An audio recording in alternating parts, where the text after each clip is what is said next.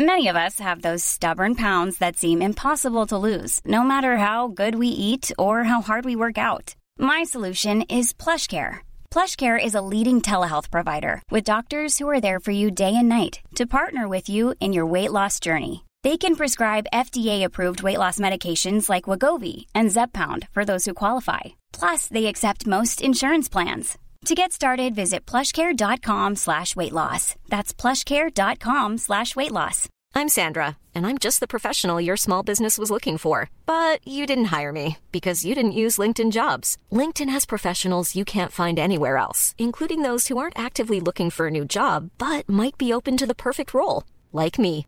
In a given month, over 70% of LinkedIn users don't visit other leading job sites. So if you're not looking on LinkedIn, you'll miss out on great candidates like Sandra. Start hiring professionals like a professional. Post your free job on linkedin.com slash spoken today.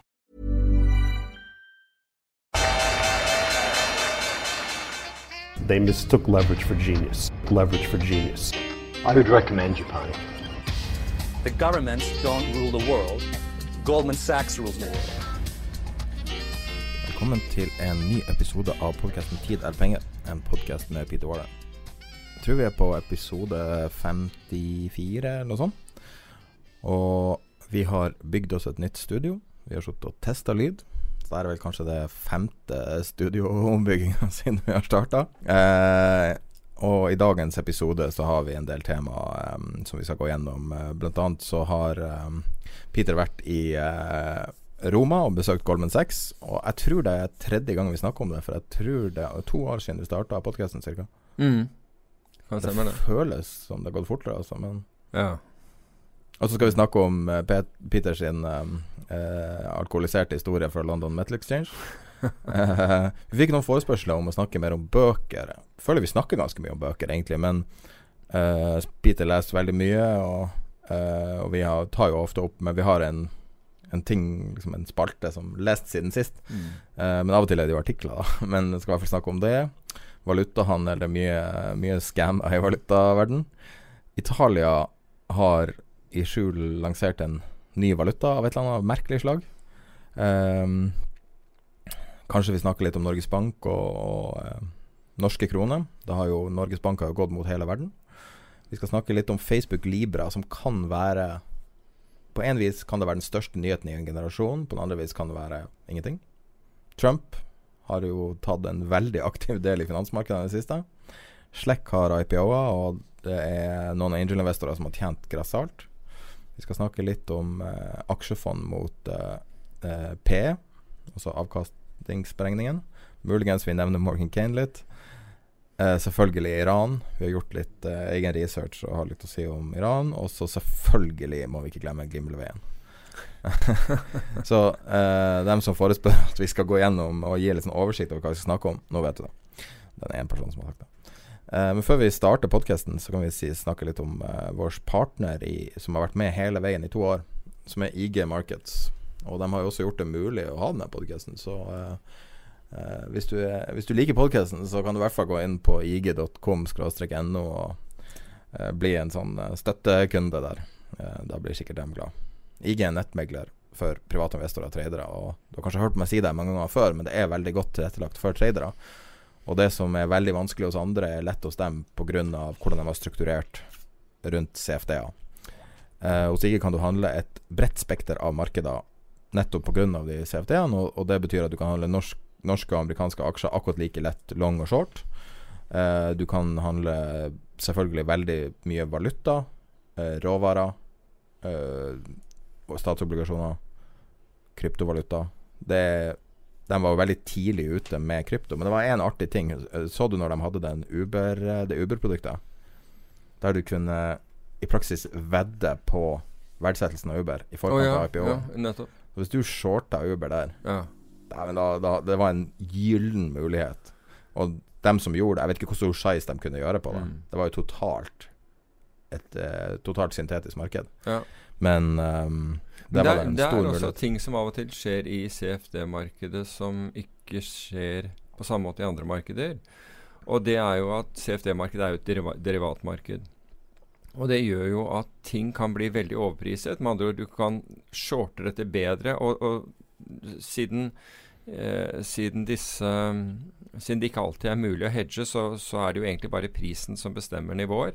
Og det gjør at du altså Hvis det er veldig mye f.eks. Uh, short-interesse, så kan du gå, gå, long. altså Hvis du er den andre veien, hvis du tror at dette skal gå opp, mye billigere der enn du kan gjøre i andre markeder. Og, og tilsvarende, du, hvis du ønsker å gå short, mm. så kan du, og, og markedet er motsatt vei, så, så skuer man prisen, altså øker man prisen såpass mye at det blir veldig attraktivt for de som er de som ønsker å gå short. Og Det skjer rett og slett pga. at det er ubalanse mellom tilbud og etterspørsel, som, som, som, da kommer til uttrykk i dette markedet.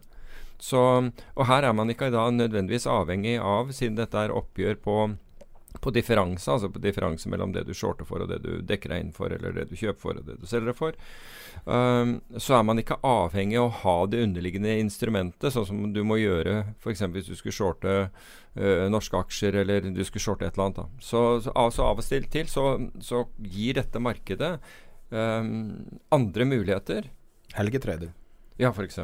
Enn en andre. Så Enn en det andre markeder gjør. Så, så sånn sett uh, kan det være verdt å, ha, å, holde et øye på det, i hvert fall. Ja, ja. Og så hvis du f.eks. er Oslo-fokusert, så det at du har en 24-timersindeks, eller mm. 23,5-timersindeks eller noe sånt, på Oslo Børs, mm. vil jo for noen være veldig attraktivt. Um, vi har en liten samtale med Erik Hansen fra IG Market som uh, vi tok opp uh, i vinter der vi var i Stockholm. Og, og her et lite utdrag fra den og vi spiller den i sin helhet etter podkasten kan ligga på minus. Det finns, det finns de som vill kunna ligga på minus. Uh, för att de vill då inte bli utstoppade på margin call i onödan. Uh, och de kanske också vill ha lite högre leverage, uh, professionella kunder. Men för en icke-professionell kund som är då majoriteten är det väldigt tryggt att just ha den här negativt balance-skyddet och veta att de aldrig kommer tappa mer än insatt kapital. Hva er kravene for å bli en profesjonell kunde? For å bli uh, profesjonell kund så er det, det er tre olika vilkår. Uh, man måste då uppfylla två av de här tre villkoren. Uh, da er vi i gang med vår liste, og la oss bare komme til den nyheten som, som alle har fokusert på den siste uka. Gimleveien. Hele verden har snakka om det. Hele verden har snakket om Gimleveien. kan det, du fortelle det fra start til slutt? Hva er det som har skjedd? Eller, kort fortalt så, så i, Og dette var i forbindelse med, dette, med, med de nye bomstasjonene og alt dette her, og uh, nye sykkelveier, så, så, ble det da påpekt for oss at uh, ja, Gimleveien spesielt, men det gjaldt også for så vidt Odins gate. Det var jeg som gjorde en feil til å begynne med. Fordi jeg, jeg, for det starta med at feil. du trakk ut Gimleveien? Det var ikke sånn at det kom helt ut av det blå? Ja, ikke sant. Fordi altså, du, du sykler den der eh, Jeg har jo syklet gjennom denne gaten, og, sykler, eh, og, og gjør det ofte. Og veikvaliteten Dette er en gate midt i Oslo, bare så det, det, det, det er ikke langt ut på landet. Uh, har vært helt vanvittig dårlig. Det er brostein, altså det ligger stein oppå, altså løse brostein rundt omkring. Og så hadde man uh, flekket over enkelte steder med, med, med asfalt som hadde løsa opp osv. Så, videre. så så min påstand var, var at, uh, at kom, det var nesten umulig uten fulldempet sykkel, og i hvert fall ikke med noe særlig lufttrykk i, i hjulene, å komme gjennom den der gaten uten varig men. Og vi, har, og vi, nevnte dette da i to episoder. Først den, den, den ene hvor, uh, hvor, jeg påpekte Odins gate, men egentlig mente, mente Gimleveien. Odins gate er heller ikke spesielt flat. Um, også i forrige episode hvor vi da nevner Gimleveien. Men, og her kommer det som er det morsomme. Det var jo at uh, jeg da ble gjort oppmerksom på, og det er vel Ja, det er bare noen dager siden at altså slik har denne gaten sett ut i mange år. Altså Det har blitt bare verre og verre, men den har vært helt forferdelig. Så tar vi det opp på, på, på, i, pod, ja, podkasten, og plutselig så dukker det opp asfaltering i denne, i denne gaten. Og, og ja, men poenget her er ikke hvor er, er ikke vår innsats i dette, men poenget er faktisk at det nytter. Poenget er at Oslo kommune og sannsynligheten for at de plutselig skulle våkne opp og, uh, av seg selv. Men um, ære være de i Oslo kommune som eventuelt har hørt på dette, her, eller noen andre som har gjort dem oppmerksom på det. Men i hvert fall, det er blitt mye bedre. plutselig så er det blitt mye bedre. gaten er ikke perfekt, men det er Altså nå risikerer du ikke varig men og, og, som jeg sa, et langvarig forhold til farma, farmasøytisk industri, gjerne, gjerne livslangt um, ved, ved, å, sykle den. Så jeg syns jo det der er uh, en, en, vesentlig forbedring. Og hvis vi har bidratt til det, så er so much the better. Det er faktisk ålreit at det ble gjort. Det er, det er, det er poenget. Og vi lovet også, fordi beboere i, i gaten der ble, også, ble, da synlig imponert, eller verbalt i hvert fall, veldig imponert over, eh, over forbedringene. Og jeg sa at vi lovet at vi skulle da på en måte takke Oslo kommune for det, så dette er, eh, dette er en takk til eh, de som har gjort jobben. Ja, Vi må jo bare ta og si at det er jo garantert podkasten som har gjort det. Det er ingen, kan ikke være en tilfeldighet. Altså Sannsynligheten for at det der skulle skje ved en ren tilfeldighet, altså når det har vært slik i, i, i flere år, det, jeg vil jo sette den som lav, uten at man liksom skal uh, Og det, det, det, har ikke noe med å ta ære for det, det har mer det at det ble gjort noe, som er, som er det som er bra. Så, så, så en varm takk til, eh, til, Oslo kommunes folk for å ha Og hvis du har noen flere gater du vil ha fiksa, så bare ja, så, bare, så bare ring oss. jeg sammenligna Peter med en gatekunstner som kalles Wanksy. Som tar og, og, og tegner Det er å tagge på gater der det er sånne hull i gata. Så tagger han obskøne bilder på, på gata, og så kommer de kommunen og legger, og legger liksom, og fyller igjen hullet. da Hvorfor det? Altså Pga. Han, han, han gjør det for sånn Google-image og sånn, eller? Nei, altså de, de vil ikke ha obskøne bilder, så de asfalterer over det. Aha. Så han har blitt en sånn legende. Jeg husker ikke oh, hvordan by det var i. Okay. Wanksy. Men ikke i Oslo. ikke, ikke i Oslo. Ja, ikke i Oslo. Ja, du er Wanksy. Ja, ja, ja, vi, vi, vi, altså, vi dro det ikke så langt at vi, vi måtte gjøre sånt, men Det er jo, det er jo faktisk mulig at det her er en fullstendig tilfeldighet også. Ja, men sannsynligheten er liten. Men poenget er, poenget er at det ble fiksa. Det er mm. det, er det som er uh, Kanskje det er tre standardavvik? Nei, det er lenger ute enn tre standardavvik. Altså, det skal jeg love deg. Altså, hvis du tar antall dager hvor, hvor, denne gaten har sett så dårlig ut uten at man har gjort noe med den, det, det, det er way. Altså, den, det flytter det, Da må du lenger ut på, på vingene. Altså. Men da kommer vi til noe mer seriøst. Noe Det var blodig seriøst for de som bodde der. Ja bokstavelig talt. Og for deg, mm. på den gamle sykkelen uten demper. ja. eh, noe mer seriøst, og det var at London Metal Exchange har forbudt alkohol i åpningstida. Og nå åpner vi. Det er veldig seriøse ting som skjer nå. Og, og Peter har vært på en konferanse og alt mulig som sikkert er viktigere. Men da, etter 142 år, som DN skrev, så får de ikke lenger være berusa på jobb. ja. Nå var det jo sånn at uh, det var jo gjerne andre, andre, halvdel av dagen, altså etter, etter at man har, har, vært ute til lunsj, hvor, uh, hvor uh, traderne var, uh, var, beruset. Og jeg, jeg, opplevde jo selv dette når jeg, når jeg jobbet i London. Og det, det, var bare én dag, hvor jeg, og det var en, faktisk første dagen jeg var på jobb. Og så ble jeg invitert ut av, av andre tradere på en pub. Og etter tre halvlitere med noe som het Tuborg Gull, for det husker jeg fortsatt, så var ikke jeg i stand til å lese skjermene når jeg kom tilbake igjen. Jeg trodde det var noe galt med dem. Det er helt sant. Og da fant jeg at dette skal jeg aldri gjøre igjen. Men det var de som, som gjorde dette her daglig, da, og de, de hadde sikkert en høyere alkoholtoleranse enn det jeg hadde. Men da var det også slik at hvis noen gjorde noe helt dumt, så ble du sluppet ut av handelen. Altså med andre ord, Hvis du gjorde noe helt sløvt, noe helt sløvt volum eller helt off market-pris, så var, så var, um, så var det City Code som, som gjaldt. Og det vil si at du, at du opptredde ordentlig. Altså du slapp vedkommende ut av handelen hvis noen, noen gjorde noe så, uh, slikt noe. Med andre ord, motparten ville bare si OK, jeg skjønner at det der var Wow. Ja, så anti-fat finger, liksom. Ja, nettopp. Og dette er årsaken, og det, og det, er det altså det er nettopp den derre fat finger, det at du gjør en feil ved en feil, uh, og, og må blø for det som det er i dag. Fordi i dag er markedene desentralisert. ikke sant? Det sitter folk over hele verden og, og dundrer til med, med, med, med algoritmer osv. Og, så og du har ikke noen relasjon til disse. Og du har heller ingen no, noen jurisdiksjon over dem. Så det er ikke som om du kan si til en kar i Kuala Lumpur at sorry, den der handelen er helt opplagt feil. Kan du baste den? For det gjør den ikke.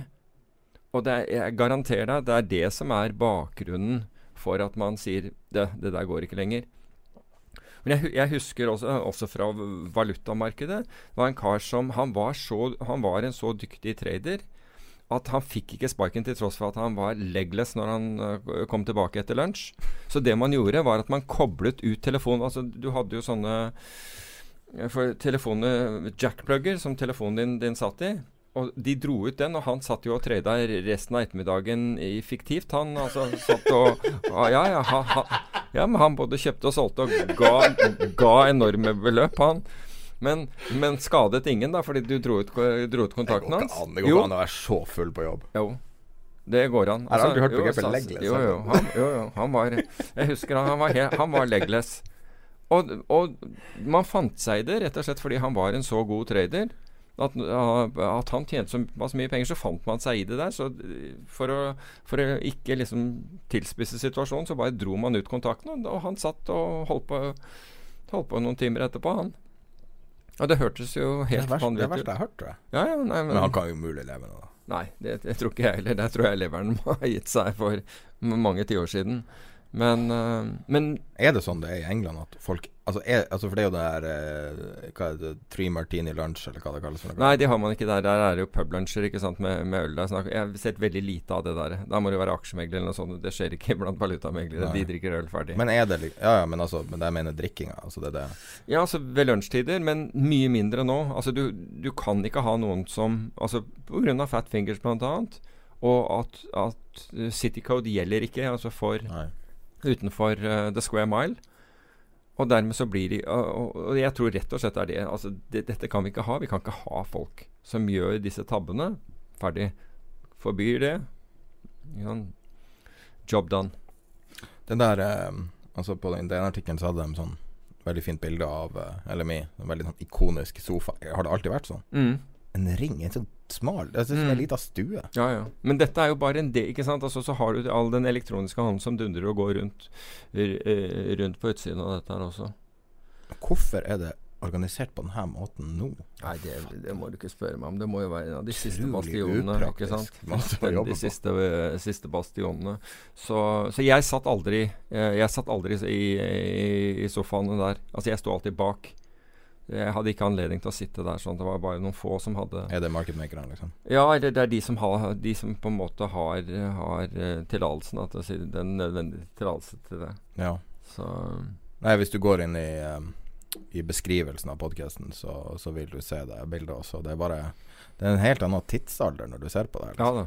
Det er fullstendig. ikke sant? Og, og det er helt nytt. Helt Men der, altså jeg, jeg har, må innrømme at i den tiden Jeg har sett folk være litt sånn outrageous i, i, i ringen. Men jeg har ikke sett noen liksom dette av, uh, dette av sett eller et eller annet sånt. Altså, det har jeg, jeg har ikke sett sånn åpenbar beruset oppførsel inni der. Det, det ser ut som det utestedet Pigalle. Har du vært der nå? Nei. Det var jo stort på 70-tallet. Comeback for noen år siden. Det, der du hadde sånne telefoner i, i de båsene, så du kunne ringe til andre båser. Så var det sånn telefonen midt på bordet. Sånn ser det ut. Uh, nei, men, uh, men det som er det store temaet, selv om vi hadde tenkt å, å gå rett på Goldman, så tror jeg vi må, må touche litt på Iran. Uh, det har vært en, en utrolig stor, utrolig turbulent uke. Og altså fra time til time har situasjonen forandra seg. Kan du si litt Kan du si litt om perspektivet til Iran, ja, hvor vi skal starte? Altså, liksom? Ja, altså det, det altså Markedsreaksjonen først, da. Ja, det, og den er jo bortimot ingen. Altså Hvis du ser bort, bortsett fra en liten spike i, i, i oljeprisen, og den syns jeg er moderat i forhold til uh, hvor du fikk inntrykk av at vi var.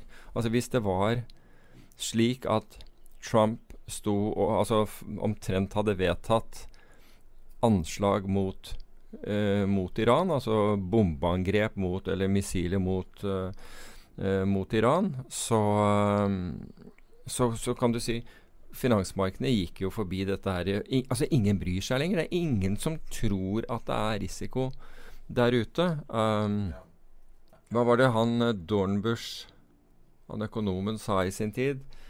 At en krise tar uh, En krise tar alltid lengre tid uh, å, å, utvikle seg, men når den, først, når den først er der, så går det fortere enn du tror. Okay. Jeg tror det var det som var altså jeg, jeg vet at i en senatshøring i 2012 så, så, henviste man til han, men han, han døde jo tidlig rett, Han bikka så vidt over 2000-tallet, han uh, Dornbush. Uh, økonomen. Og litt sånn som uh, There are decades when nothing happens and ja, weeks men, when men, they can men, happen. og, og, det er litt den, den, situasjonen vi er i. Men hvis vi, hvis vi, bare spoler tilbake Det er jo så mange ting her som ikke syns å stemme. Altså Det første som Trump gjør, det er at han bakker ut av den etablerte, den inngåtte avtalen med Iran mot, etter, mot egen, egne etterretningskilder, som da sier at de ikke produserer De har, ikke, de har ingen beviser for at de produserer eh, kjernefysiske våpen. Så Trump trekker seg fra den der avtalen og sier at ja. han tror at de gjør det. Eh, og etterretningsorganisasjonene sier at de har ingen bevis for at det skjer. Så han lager så, så skapes denne konflikten, og så forbyr han da land og selvfølgelig egne, egne altså amerikanere å ha noe som helst med Iran å gjøre. Så du setter Iran i en veldig vanskelig posisjon. Du kan også si, bare som et innskudd info Jeg snakka med, med, en av de få Iran-eksperter man har i Norge, bare for å få litt bakgrunn, for jeg syns det er så lite ordentlig bakgrunnsinformasjon. Uh, jeg husker ikke navnet, det var hun som var intervjua i DN. Og um, Uh, og hun sa en interessant ting, at, at inflasjonen i Iran altså det, Hun snakka om en tur når hun var i 2005. Mm. At det, det, eksisterte ikke minibanker i landet, kun på flyplassen. Og at når hun skulle gjøre en liten Altså bare ta ut noen hundre dollar i iransk valuta, så var det sånn folk så på henne som hun var gal. Liksom. Altså Skjønner du at du må ha en bag med ja. deg for å bære det. Og så har jeg vært og sjekka inflasjonen. Og fr altså Fram til avtalen så var det jo fallende inflasjon. Når avtalen med Obama. Mm. Og nå er de jo på Uh, jeg tror det er på, 30, top, uh, høyt på 30-tallet, inflasjon. Ja. Og det her er et land som har vært i en økonomisk krise pga. sanksjonene nå i titalls år. Sånn at Og hun sa ingen Iran-eksperter skjønner hva, hva, det er de har å vinne på det her, hvis det er dem som har gjort det. Og, og alle sier jo igjen 'hvis det er dem som har ja, gjort det'. Ja, Men la oss nå gå til det, det faktiske, da, de som har gjort det. Og da er det Og hva det er de har gjort. Ja, og da er det angrep mot, mot skip vi snakker om. ikke sant? Eh, skip som da har, eh, har seilt eh, inn i bukta der, og eh, innenfor Hormus.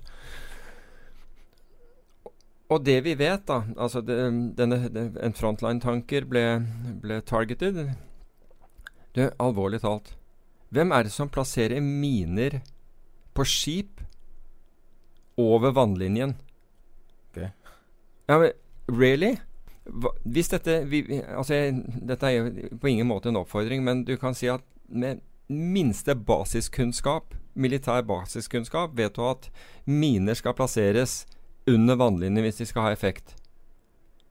Disse minene er da plassert oppå skutesiden. Ja. Ok, hva, Så hva, hva ville skje hvis disse minene var plassert under vannlinjen, som er, håper å si, i anførselstegn normalt? Jo, Eksplosjonen ville, ville inntreffe. Skipet ville synke. Du ville forurense uh, området. Oljeprisen vil gå sky high, for det er helt utrygt å, å transportere olje ut ifra det. Hvem er det, som ikke, hvem er det som ikke er interessert i at oljeprisen går opp? Det er ikke Iran, altså.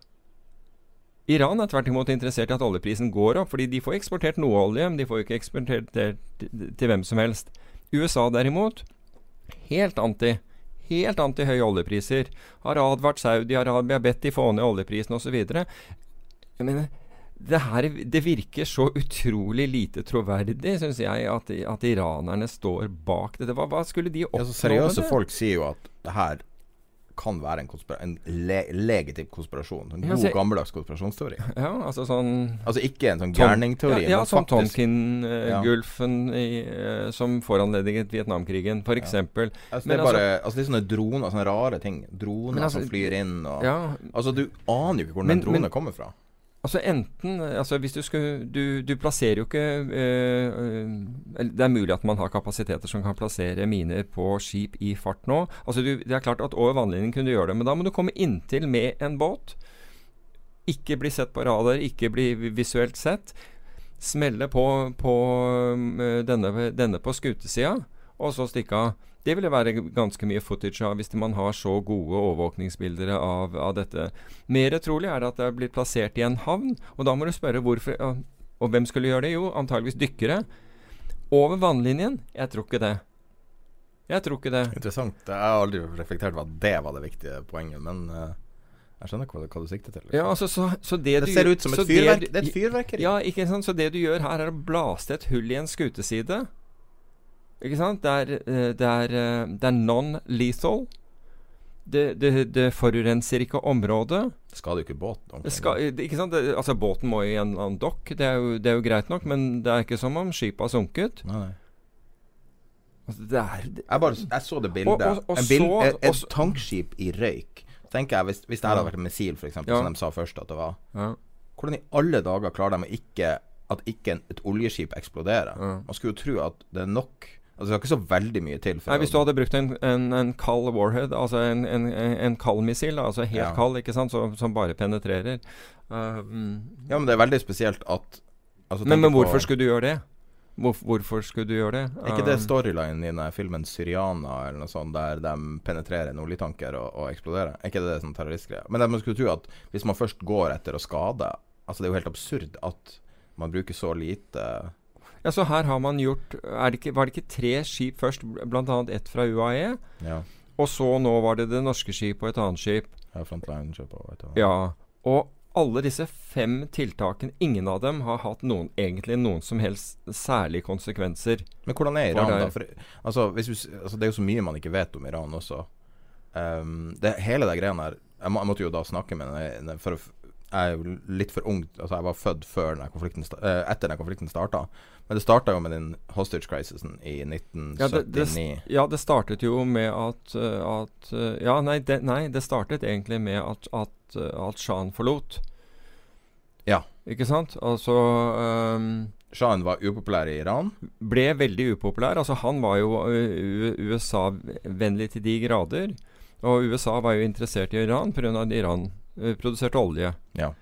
Og så, blir, eh, så forsvinner sjahen. Og, og leter etter et sted å være, havner i USA? Ja, og, og, til å begynne med så virker ikke det veldig dramatisk, fordi du får da inn en religiøs leder, men man hadde jo tydeligvis ikke gjort uh, hjemmeleksen på denne, denne, denne religiøse lederen som da hadde levd i eksil i Jeg mener at det var i, i hvert fall i Frankrike, i Paris. Ayatollah Khomeini. Ja, som da kommer inn, og da da går situasjonen helt ut av kontroll, og så angriper man den amerikanske ambassaden eller, og, og, tar masse gisler. Og, og, amerikanerne, det som da skjer, er at amerikanerne gjør en hemmelig aksjon. Den er faktisk så hemmelig at uh, dette, dette, skjer fra, fra, fra hangarskip. Det er faktisk så hemmelig at de som hadde med Altså de teknikerne som hadde med disse helikoptrene bl.a. som ble brukt, ikke visste at de skulle til ørkenområder. Så de ble ikke da de, de, de, de, de var med andre ord De ble utsatt for sand. Altså de, de tålte ikke altså inn, innsuget. Altså disse helikoptrene har jo jetmotorer. Um, så de får sand inn i systemet. Så de, de var ikke da forberedt for å, å, å, lande i ørken. Så det som skjer, er at de flyr da fra et hangarskip eh, med, med, spesialsoldater inn i, i ørkenen i, Iran, lager en, en uh, uh, Forward Operating Base, jeg vet ikke hva det heter på norsk. Altså frem, fremskutt base, en, en base midt inne i ørkenen. Lander der, lander der bl.a. med to Herculeser, en bunke helikoptre og en gjeng eh, spesialsoldater. Og de har ikke før landet De har knapt gått ut av, uh, av flyet da en buss full av iranere, en, en rutebuss, kjører tvers gjennom, uh, gjennom stillingen. Altså gjennom blant disse her, hvor, hvor, de ser folk snu seg. Og uh, en av disse soldatene skyter da ut hjulene på denne bussen før den kommer videre. Og nå har du plutselig nå har du plutselig gisler midt inne i ørkenen. Altså Nå er det folk som kommer til å bli savnet hvis ikke noe skjer. Så det begynner å gå galt veldig, veldig tidlig. Jesus. Og så får man problem med et av helikoptrene. Så tror jeg dette problemet sprer seg til et annet. Eller har ingen, altså rett og slett pga. de drar sand inn i, inn i luftinntakene. Og så står de mellom Skal vi allikevel gå og gjøre det? Altså fly til Teheran å gjøre en gissel, altså gisselfritaking i, på ambassaden der. Men så finner man ut at vi har Og da, men, da var det jo administrasjonen som visstnok i Det hvite hus mente at de skulle gjøre det, men de militære sier at det gjør vi ikke, for vi har ikke kapasitet til å løfte alle ut igjen.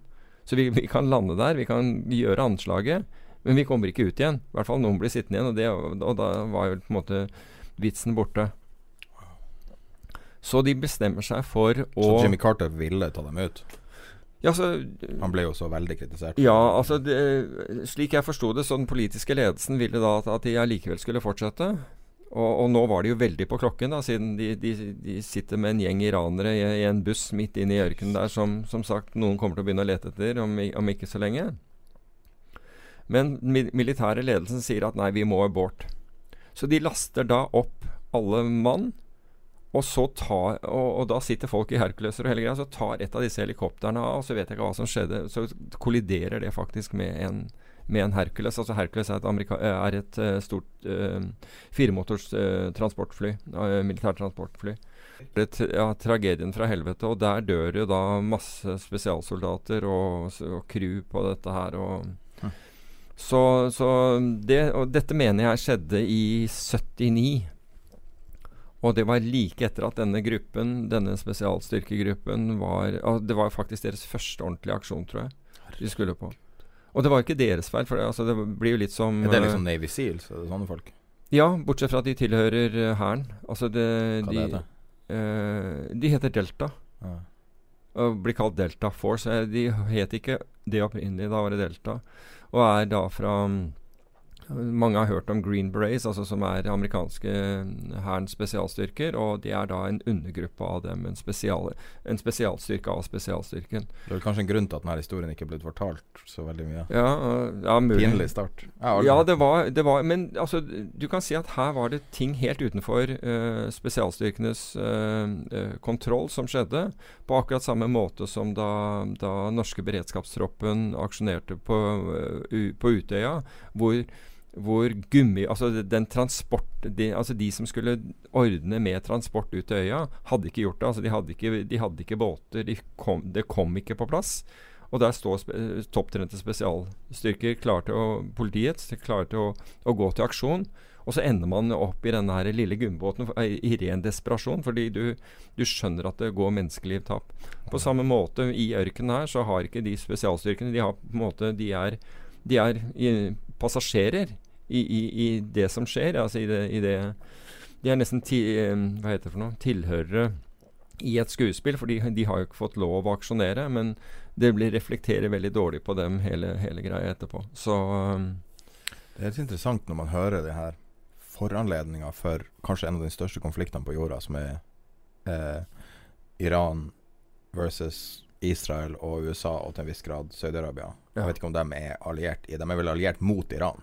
Ja, det er det. ikke sant? Altså Iran er jo mer i en sånn form for koali koalisjon med Qatar og, og militsen som opererer bl.a. i Jemen.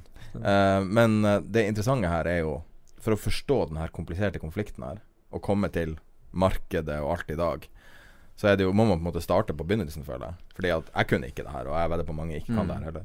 Og, og det virker jo som at på grunn, når du forklarer det her at mange eh, spesialsoldater døde på det første oppdraget, kombinert med at det var så vanvittig prestisjetap for venstresida og vanvittig stor seier for høyresida. Ronald Reagan vant jo i Mm. praksis på det Mm. her. Og den ble frigjort bare på dag to av hans presidentskap, tror jeg. Uh, Gisland. Ja. Etter 444 dager. Den Ja, største saken i USA. Ja, men det, det skjedde ikke ved, ved noen væpnet aksjon. Det, det skjedde ved at eh, iranerne De slapp sanksjonene. Korrekt. Men, men Ronald Reagan fikk en stor politisk seier. Ja, det er riktig. Så jeg har litt inntrykk av at når du da ser de her haukene som på død og liv vil angripe Iran, Mm. Bolton, for eksempel. Ja. og så tenker du Hvorfor i alle dager? Hvorfor Iran? Hva er det som er så galt med Iran? Altså, jeg skjønner jo at altså, Ja, men de har jo liksom Altså, de, de har jo på en måte blitt sett opp ved at man, at man brøt, uh, brøt av, den inngåtte avtalen med dem.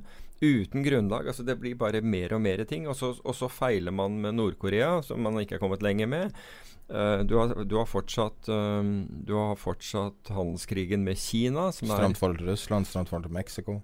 Ja. Da trenger du fort en, en, en ny fiende.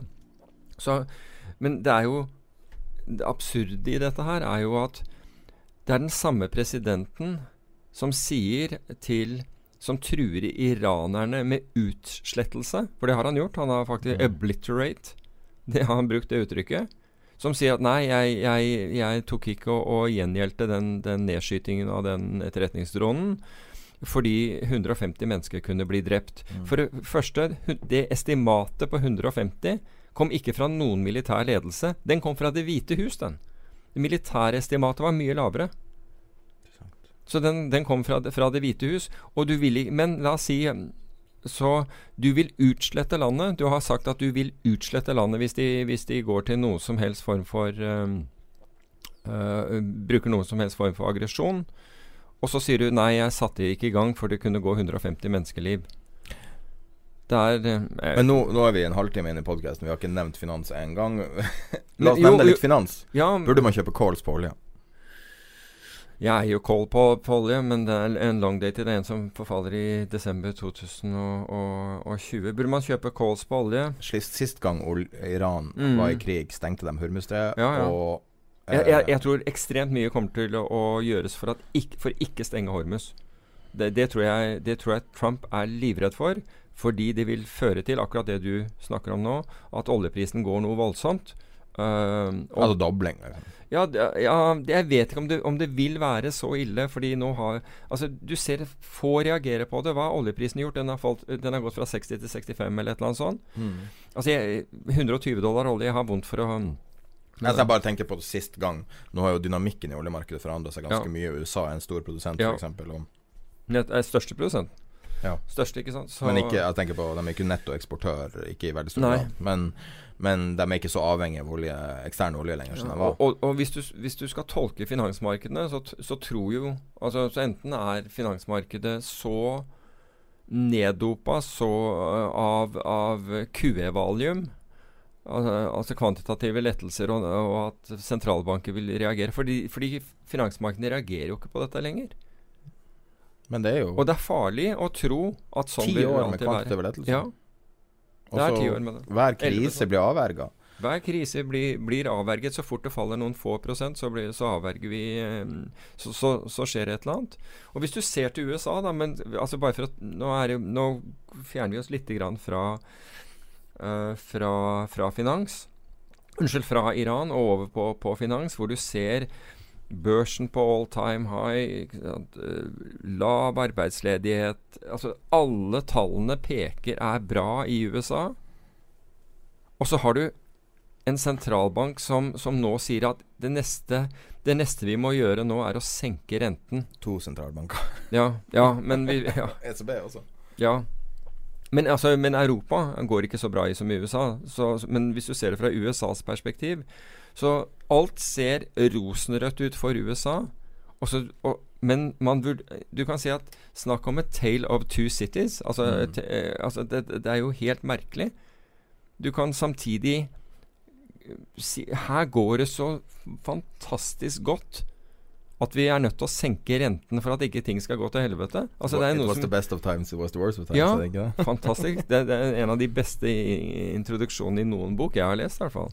Ja, det er vak Så, vakker analogi, fordi at det skriver det veldig godt. Altså. Ja. Fordi at jeg må si at jeg ser ikke noe sånn her monstervelstand når jeg ser meg rundt i verden. Jeg ser masse gjeld.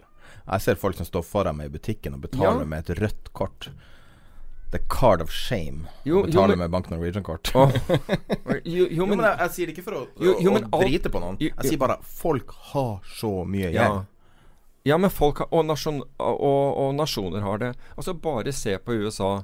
Altså, hvor er dette kommet til? Massiv pengetrykking og opplåning. Ja. Uh, Trump skryter av hvor, hvor godt det går i økonomien. Jo, men det skulle bare mangle. Altså, hvis du kunne låne så mye penger du ville, og det, og det hadde ingen konsekvenser for deg Absolutt ingen konsekvenser. Altså, det, det, det, det, det sender ikke valutaen din i, i dass, fordi eh, du, du øker pengemengden i forhold til BNP. Altså, ingenting skjer. Hvis du kunne bare gjøre det og pøse det inn, selvfølgelig går det bra. Mm. Altså Hvis du fikk låne ubegrenset mye penger, så ville du jo klare å skape noe av Du, skal, du skulle jo være utrolig sløv hvis man ikke klarte å skape noe av Av en slik opplåning. Men hvis du går til banken og sier du vet jeg, jeg trenger mer penger, jeg trenger jeg enda mer penger Nei, det gikk ikke så bra det forrige gjorde, men gi meg noe mer penger nå. Du ville aldri få det. Og det er jo akkurat det som skjer. Og så, så sitter vi, ikke sant, økonomer og andre, og ser på dette her, og ikke alle, heldigvis, men, men velger å bare være stille og late som dette her er ok. Dette skal jo tilbakebetales på et eller annet På et eller annet tidspunkt kommer regningen. Og det mer vi, vi holder på med dette her, det verre si regning, det større regning får vi. Men vi later Men det har, det har gått så bra så lenge. Så hvorfor skal det ikke gå bra et par dager til? Kan ikke, kan ikke gå gærent akkurat når jeg kjøper. Hvorfor skulle du gjøre det? Og sånn tenker alle. Og, så, og, så Ja, altså, og boligmarkedet er den mest perverse versjonen. ja, men vi orker, altså vi orker ikke å ta stilling til det, det som foregår. Vi vil heller tro på at alt går bra. Prøv å tenke tilbake på hvordan dag du skjønte at finanskrisa var en slags finansiell 9-11. Jeg husker så godt følelsen. Det var den dagen jeg flytta til Oslo. Nå strider søstera mi og sier det var dagen før dagen etterpå, men det var den dagen jeg flytta til Oslo. Jeg står ved den. Det var 11.9.2001. Og jeg kom til Oslo og var uh, relativt ung. Og liksom eh, skulle bare starte livet. Jeg, skulle, jeg var, var på jobbintervju på morgenen. Og så kom jeg inn til byen, og så ringte kompisen meg og sa det var hull i World Trade Center. Da hadde jeg vært i Oslo noen timer, liksom. Og hadde blitt voksen i noen timer. Og så, når tårnet falt, så var det akkurat som bare alle mine illusjoner bare brista totalt. Ja. Og liksom det tok ekstremt lang tid for å komme seg til det. Sånn var det jo for alle. Men jeg husker finanskrisa også var jo relativt tidlig i karrieren da også. Og det var bare at det, det var bare Det er sånn at du alt du vil, er å stoppe fallet. Nesten med hendene. Mm. Sånn var det når, når tårnene falt, for meg i hvert fall. Og det var sånn, jeg ville bare stoppe det. Liksom Jeg prøver nesten å på en måte holde det oppe med hendene eh, liksom imaginært, da. Det var bare sånn Det var bare sånn utfattelige ting som skjedde. Det var bare helt uforståelige ting. Og altså, med sånn som gjeldsutviklinga er nå Så jeg, jeg klarer faktisk å forestille meg hvor brutalt det blir. Mm. Den dagen der QE ikke funker lenger. Som Ja. er, det er jo det som kommer. Altså det, er jo, det må jo være sånn triggeren blir. Ja. Så kan man si ETF-er, man kan si, sitte og spekulere i om det blir nye CDO-er eller hva Men altså, det, det kommer jo til å se ut annerledes ut. Men det sannsynligvis så er det det at QE Man annonserer en ny QE, og så faller markedet i stedet. Ja, så, så, så, er ikke, så nytter ikke. Det er ikke nok. Det flytter ikke. Det klarer ikke å holde seg. Men du ser jo også det der ved at så mange reduserer risiko. ikke sant? Så mange håper å si, fornuftige mennesker reduserer risiko. Og det er et godt tegn. Fordi det betyr at alle ikke er akkurat samme vei. Altså, det er tross alt noen som kommer til å sitte igjen med pengene sine. Hvis ikke dette blir nattsvart.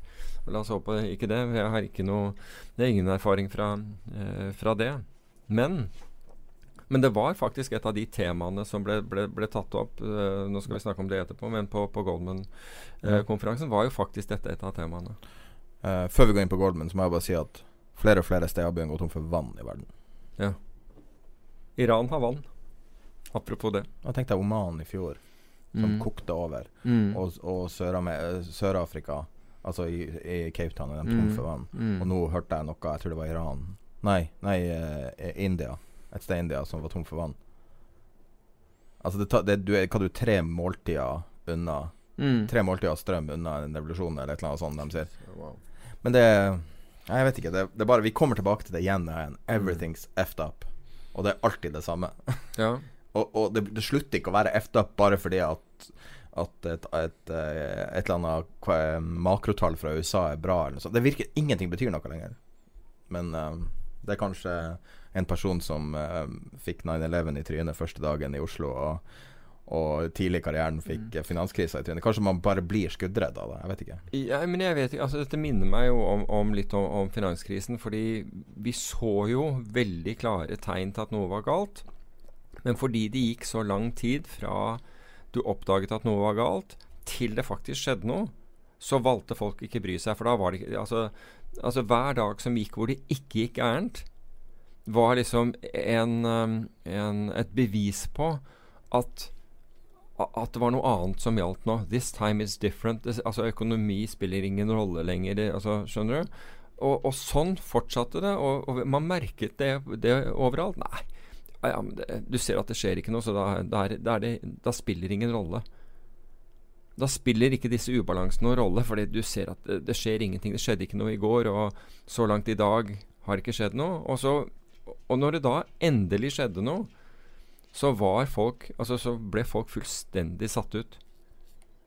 Ja, Du har fortalt en historie fra kontor da, Jeg vet ikke om det var finanskrisen, når du satt og så på folk som bare satt og så på skjermer, var ikke det? Som bare ikke klarte å gjøre noe. Ja, jo, det var ja, jo, jeg hadde en kollega som var, var, var, ikke i stand til noe som helst. Var rett og slett ikke i stand til noe som helst. Kunne ikke gjøre noe. Ja. Klarte ikke bare Det var rett og slett ikke mulig. Han uh, låste seg inn på do. Han låste seg inn på do? Seriøst? Ja, han kom ut mange, mange timer senere. På Lehmann-dagen? Uh, nei, jeg husker ikke om det var Lehmann-dagen, hvilken dag det var. Men det var under det der. Var, klarte ikke å forholde seg til det. Så men vi kan, vi kan, ta litt mer om akkurat det der. På, Men vi kan snakke om Goldman, da. Ja. Som, eh, vi har jo så vidt kommet i gang med vår eh, Vi har sånn fint sånn skjema med sånn liste nå. Men Kom over til Goldman. For ja. uh, Peter var i uh, Roma og uh, drakk og spiste på Goldmans regning. og møtte noen kjente navn og hørte på forskjellige. Hvem var det som var der, egentlig? du kan si at det var det var bredt antall fond. Jeg husker ikke hvor mange fond som var det. Over, over 100 forskjellige altså, fondsforvaltere uh, som var der. Og da vesentlig flere in investorer. Fra, fra, Norge så var jeg tror jeg nevnte forrige gang, Sektor alltid vært der. Og uh, Asset Management, og de var der uh, nå også. De presenterte et fond. Uh, og så var det Og det glemte jeg å nevne forrige gang, og de har jo vært ganske De har vel vært der i flere år. Det er Gabler. altså De er jo pensjonsrådgivere i, i, i Norge. Uh, var, de hadde tre stykker der, og så, og, og så var det meg. Uh, og så var det en nordmann som bor i Genéve, som, som, ofte er på disse tingene. Han har jobbet for fond i fond og, og store investeringsbanker. Så han har bodd i utlandet i alle årene jeg har kjent ham. Hvem du tilbringer tid på en sånn konferanse sammen med?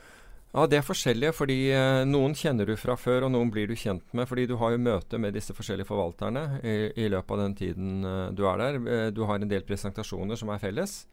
Og så velger du stort sett hvem du vil, vil, vil, vil, møte. Og så har man i tillegg middager og sånn, hvor, hvor, det kan være litt tilfeldig hvem du, hvem du sitter sammen med. Noen ganger så blir det en miks av folk du kjenner og, og, og nye mennesker. Uh, men den networkingen er utrolig bra. Altså Du får vite veldig mye interessant. Uh, og veldig mange interessante perspektiver. Men den første uh, Den første sånn fellessaken som jeg var på, da var det en fra Goldman som, som sier at vi er bekymret, og hvorfor vi er bekymret, det er fordi det har nå gått så langt siden finanskrisen at det er veldig få som har erfaring med, med risiko i markedene. Det er veldig få som forstår risiko, og det er enda færre som har håndtert risiko.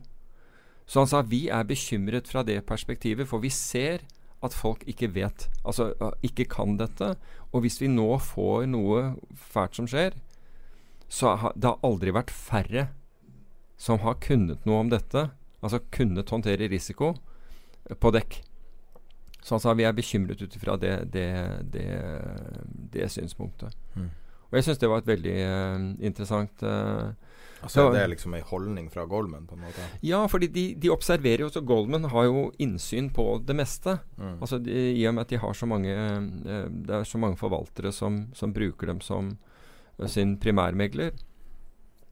Så, så, dette er av stor Dette er av, helt klart av bekymring for dem.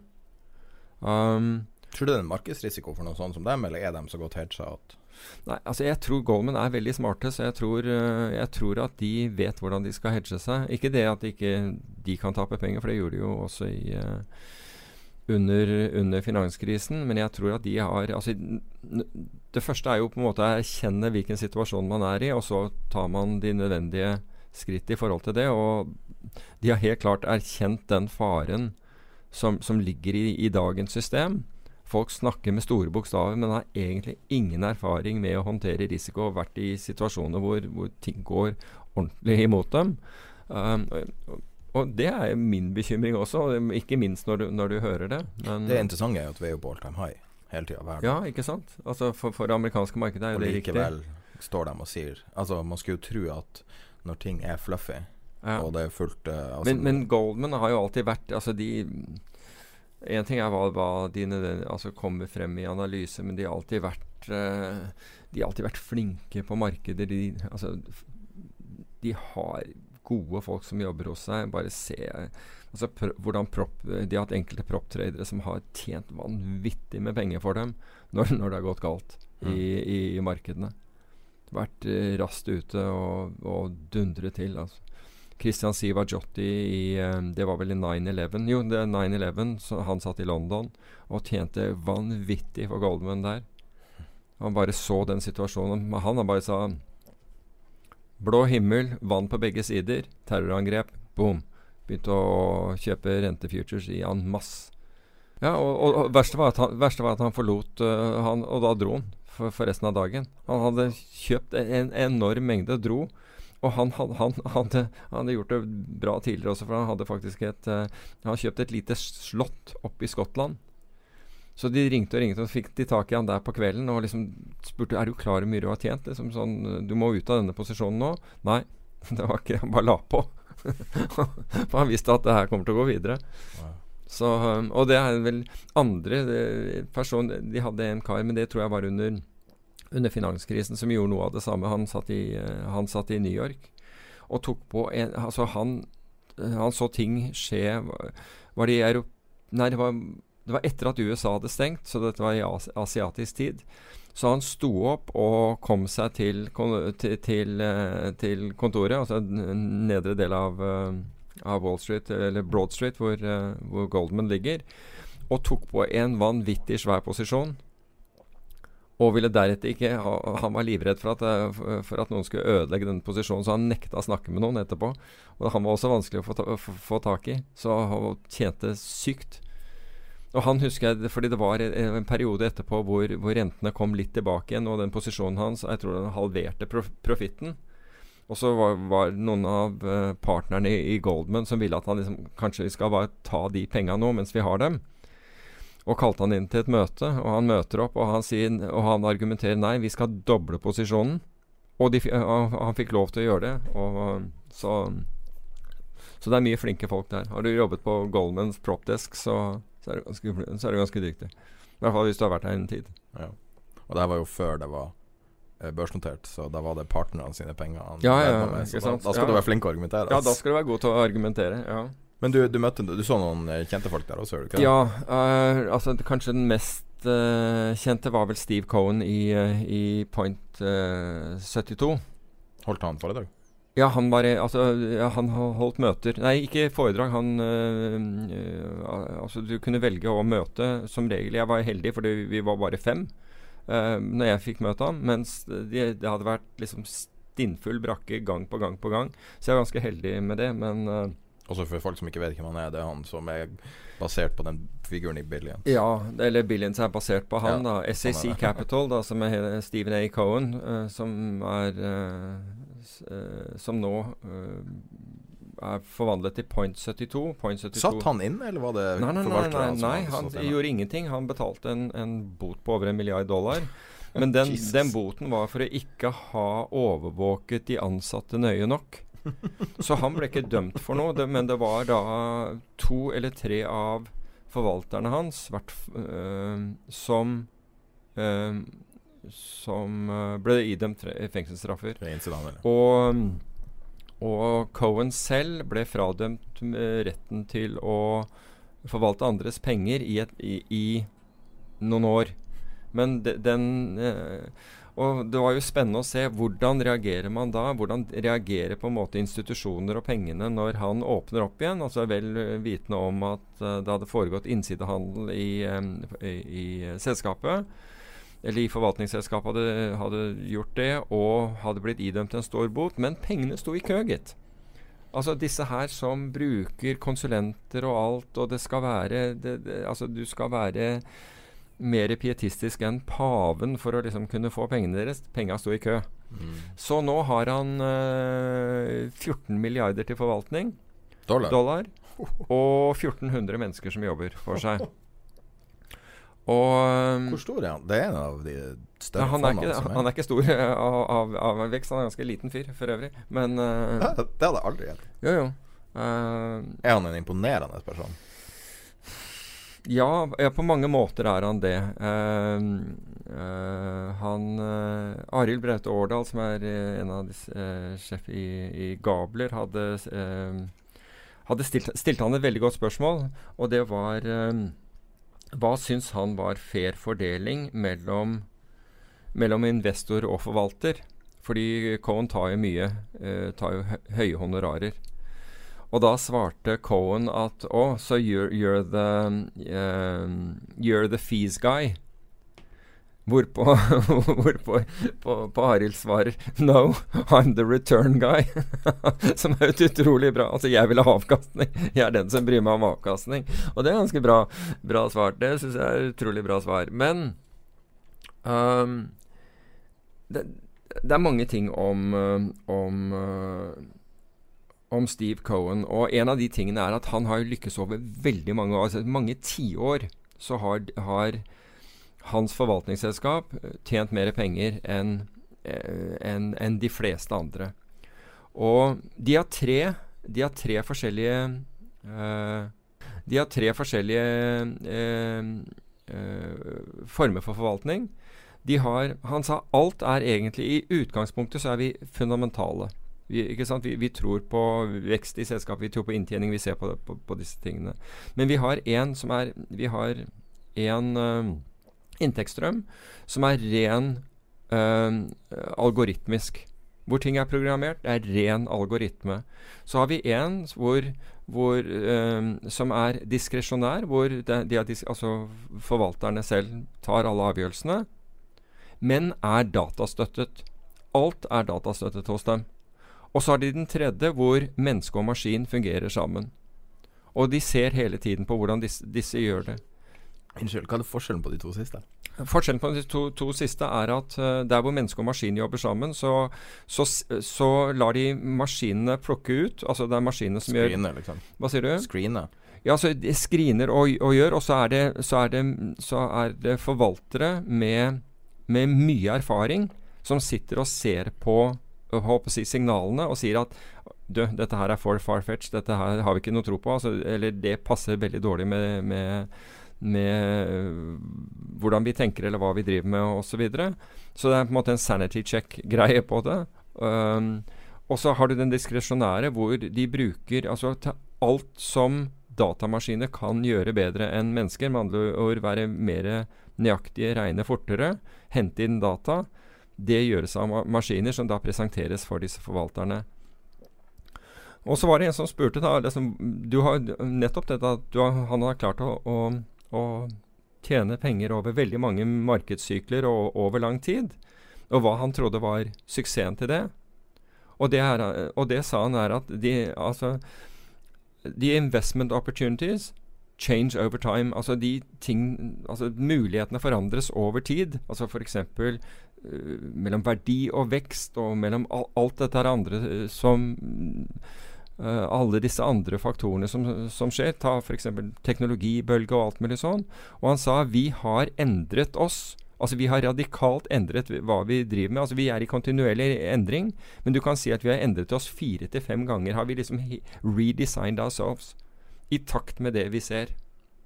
Og så var det en annen ting som jeg syns var interessant at de gjorde. Han sa at, uh, at uh, de hadde Jeg vet ikke om det var månedlig, eller om, om, det skjedde flere ganger i måneden. Hvor de hadde middager hvor de inviterte inn uh, folk. Og det kunne være fra, fra alt mulig. altså Det kunne være, inn, det kunne være psykologer, for den saks skyld, altså, som, som, som, kom og fortalte. Eller altså, folk som hadde kunne bringe inn noe nytt til dem. De var hele tiden ute etter å, å si, bli smartere. Og han, det var en, en, en, som sa sammen, han sa at du, du kommer ikke til Stiv med en idé hvis du ikke har tenkt på den på forhånd. Så jeg husker vi hadde han for øvrig nevø av en kjent forvalter som var ansatt hos oss. Og han var sånn der, han kom inn liksom som med ideer, men hadde ikke tenkt å gjøre noe med dem selv. Altså Han bare å, her, en, her, har jeg liksom siste idé. Og så gikk han ut av, av, av kontoret ditt, og han hadde ikke gjort noe. Og så lurte han på hvorfor man ikke hadde gjort jobben med det. Altså hvorfor man ikke fulgte opp alle de der gode ideene han hadde. Uh, og det, Alle kan jo presentere masse ideer hvis alle andre skal gjøre jobben, men som han her sa, at hvis, hvis når du jobbet for Stiv Hvis du ikke hadde gjort et grundig arbeid når du kom til han med, en, eh, med noe som du syntes var attraktivt, eller en god idé, så, så, så var karrieren din veldig kort hos, dem. Veldig kort. Så det er en imponerende butikk. Um, en annen ting som, som, uh, som, de har, det som jeg aldri har hørt noe annet sted, er at de har tittelen Eller jeg har hørt det andre steder, men jeg har aldri hørt det i et finansforetak. IO. Du er IO. Altså du Intelligence Officer. Helt riktig. Well done. Jeg visste jo at de hadde intelligence der. da. Ja, de, han hadde i hvert fall det i SSI, men, men, altså, så du har, men de har puttet på, for at det ikke skal være for tendensiøs, en M foran. Så det er Market Intelligence Officer.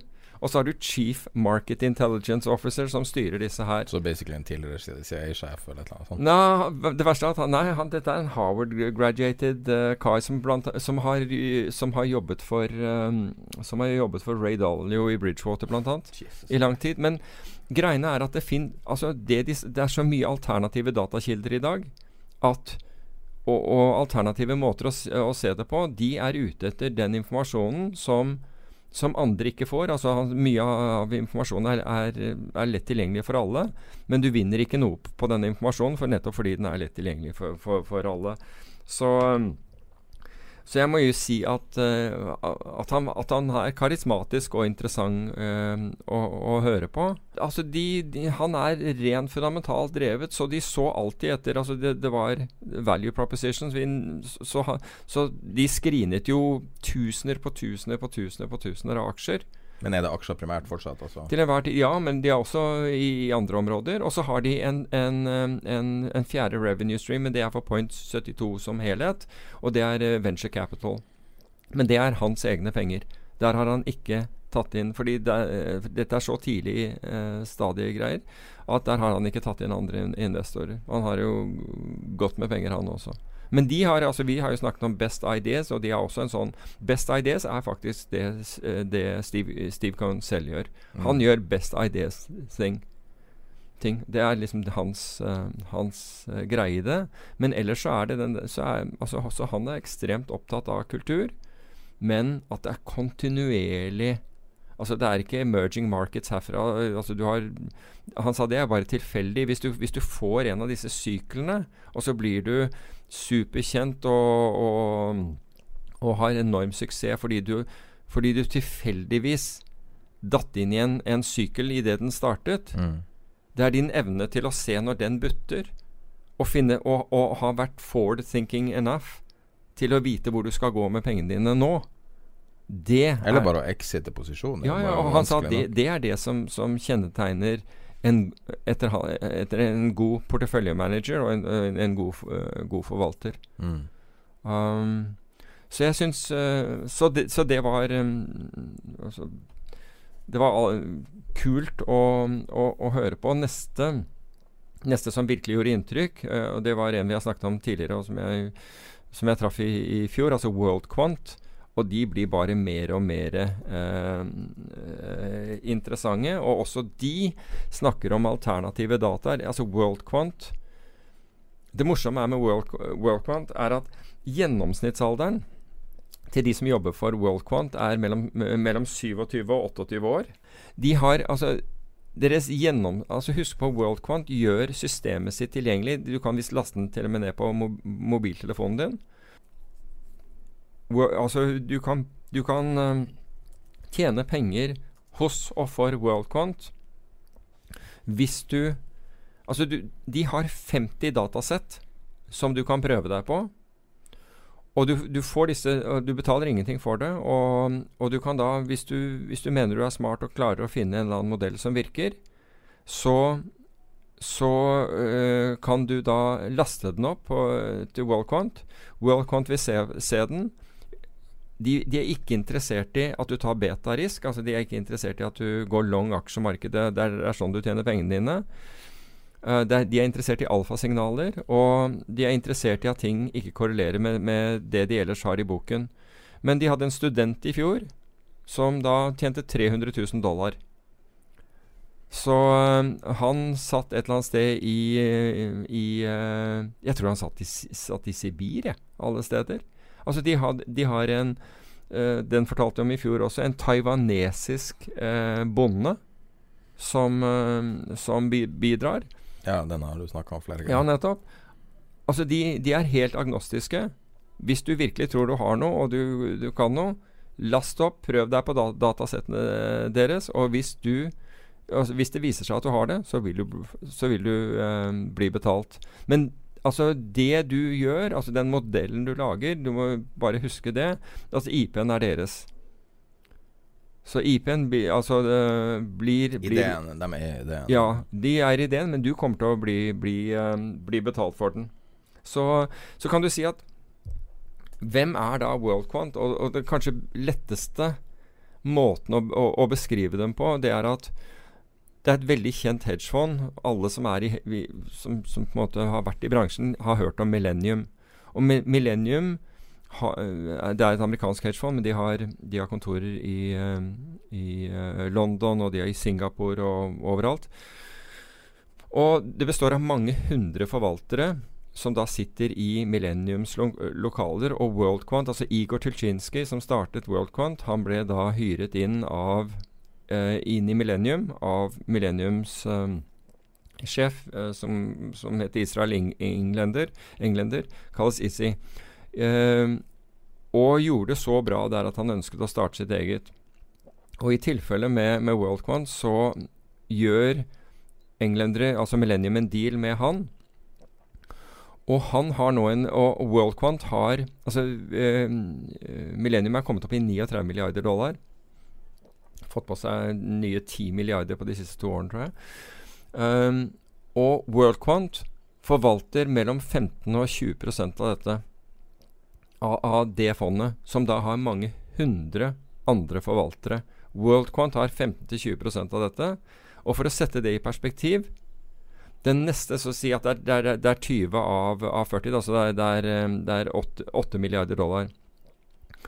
Den neste i, i, listen, altså den nest største innenfor Millennium, har mindre enn 3% av fondet. Så hele Worldcont er Millennium-penger?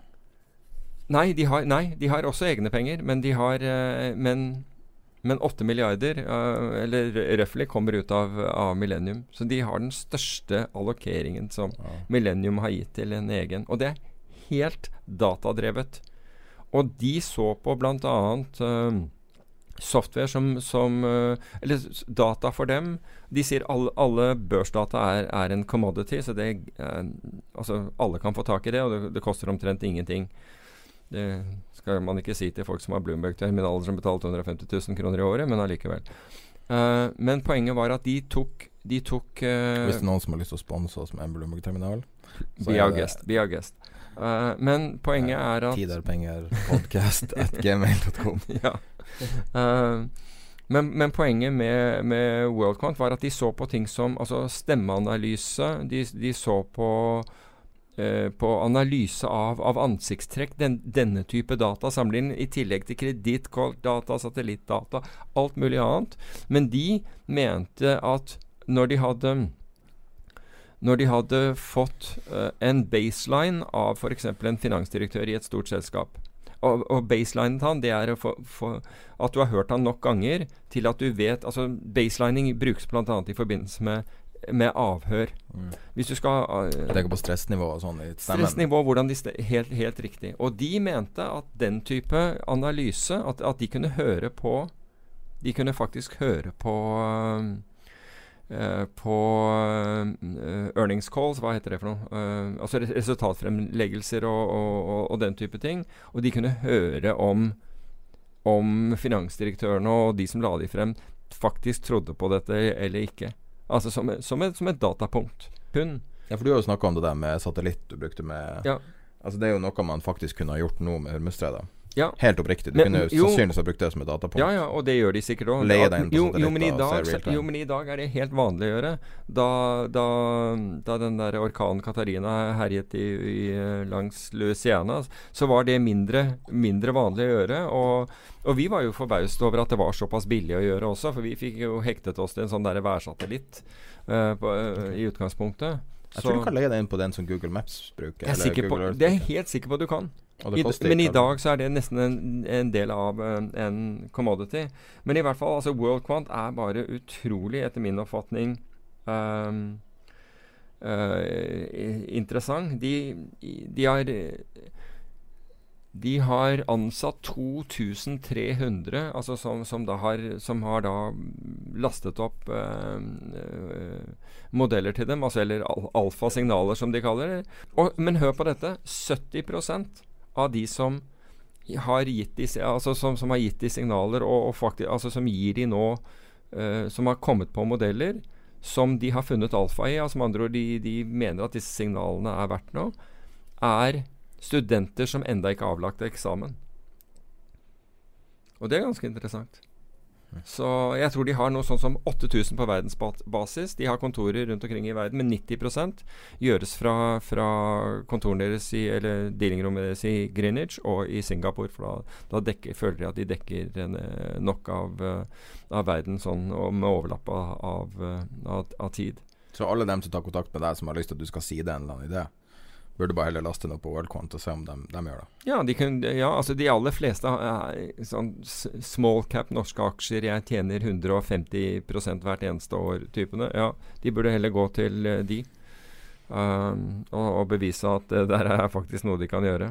Men, men poenget er at du slipper, du, du slipper på en måte å, å synse om dette. Du slipper liksom å vurdere er det noen som snakker sant eller ikke.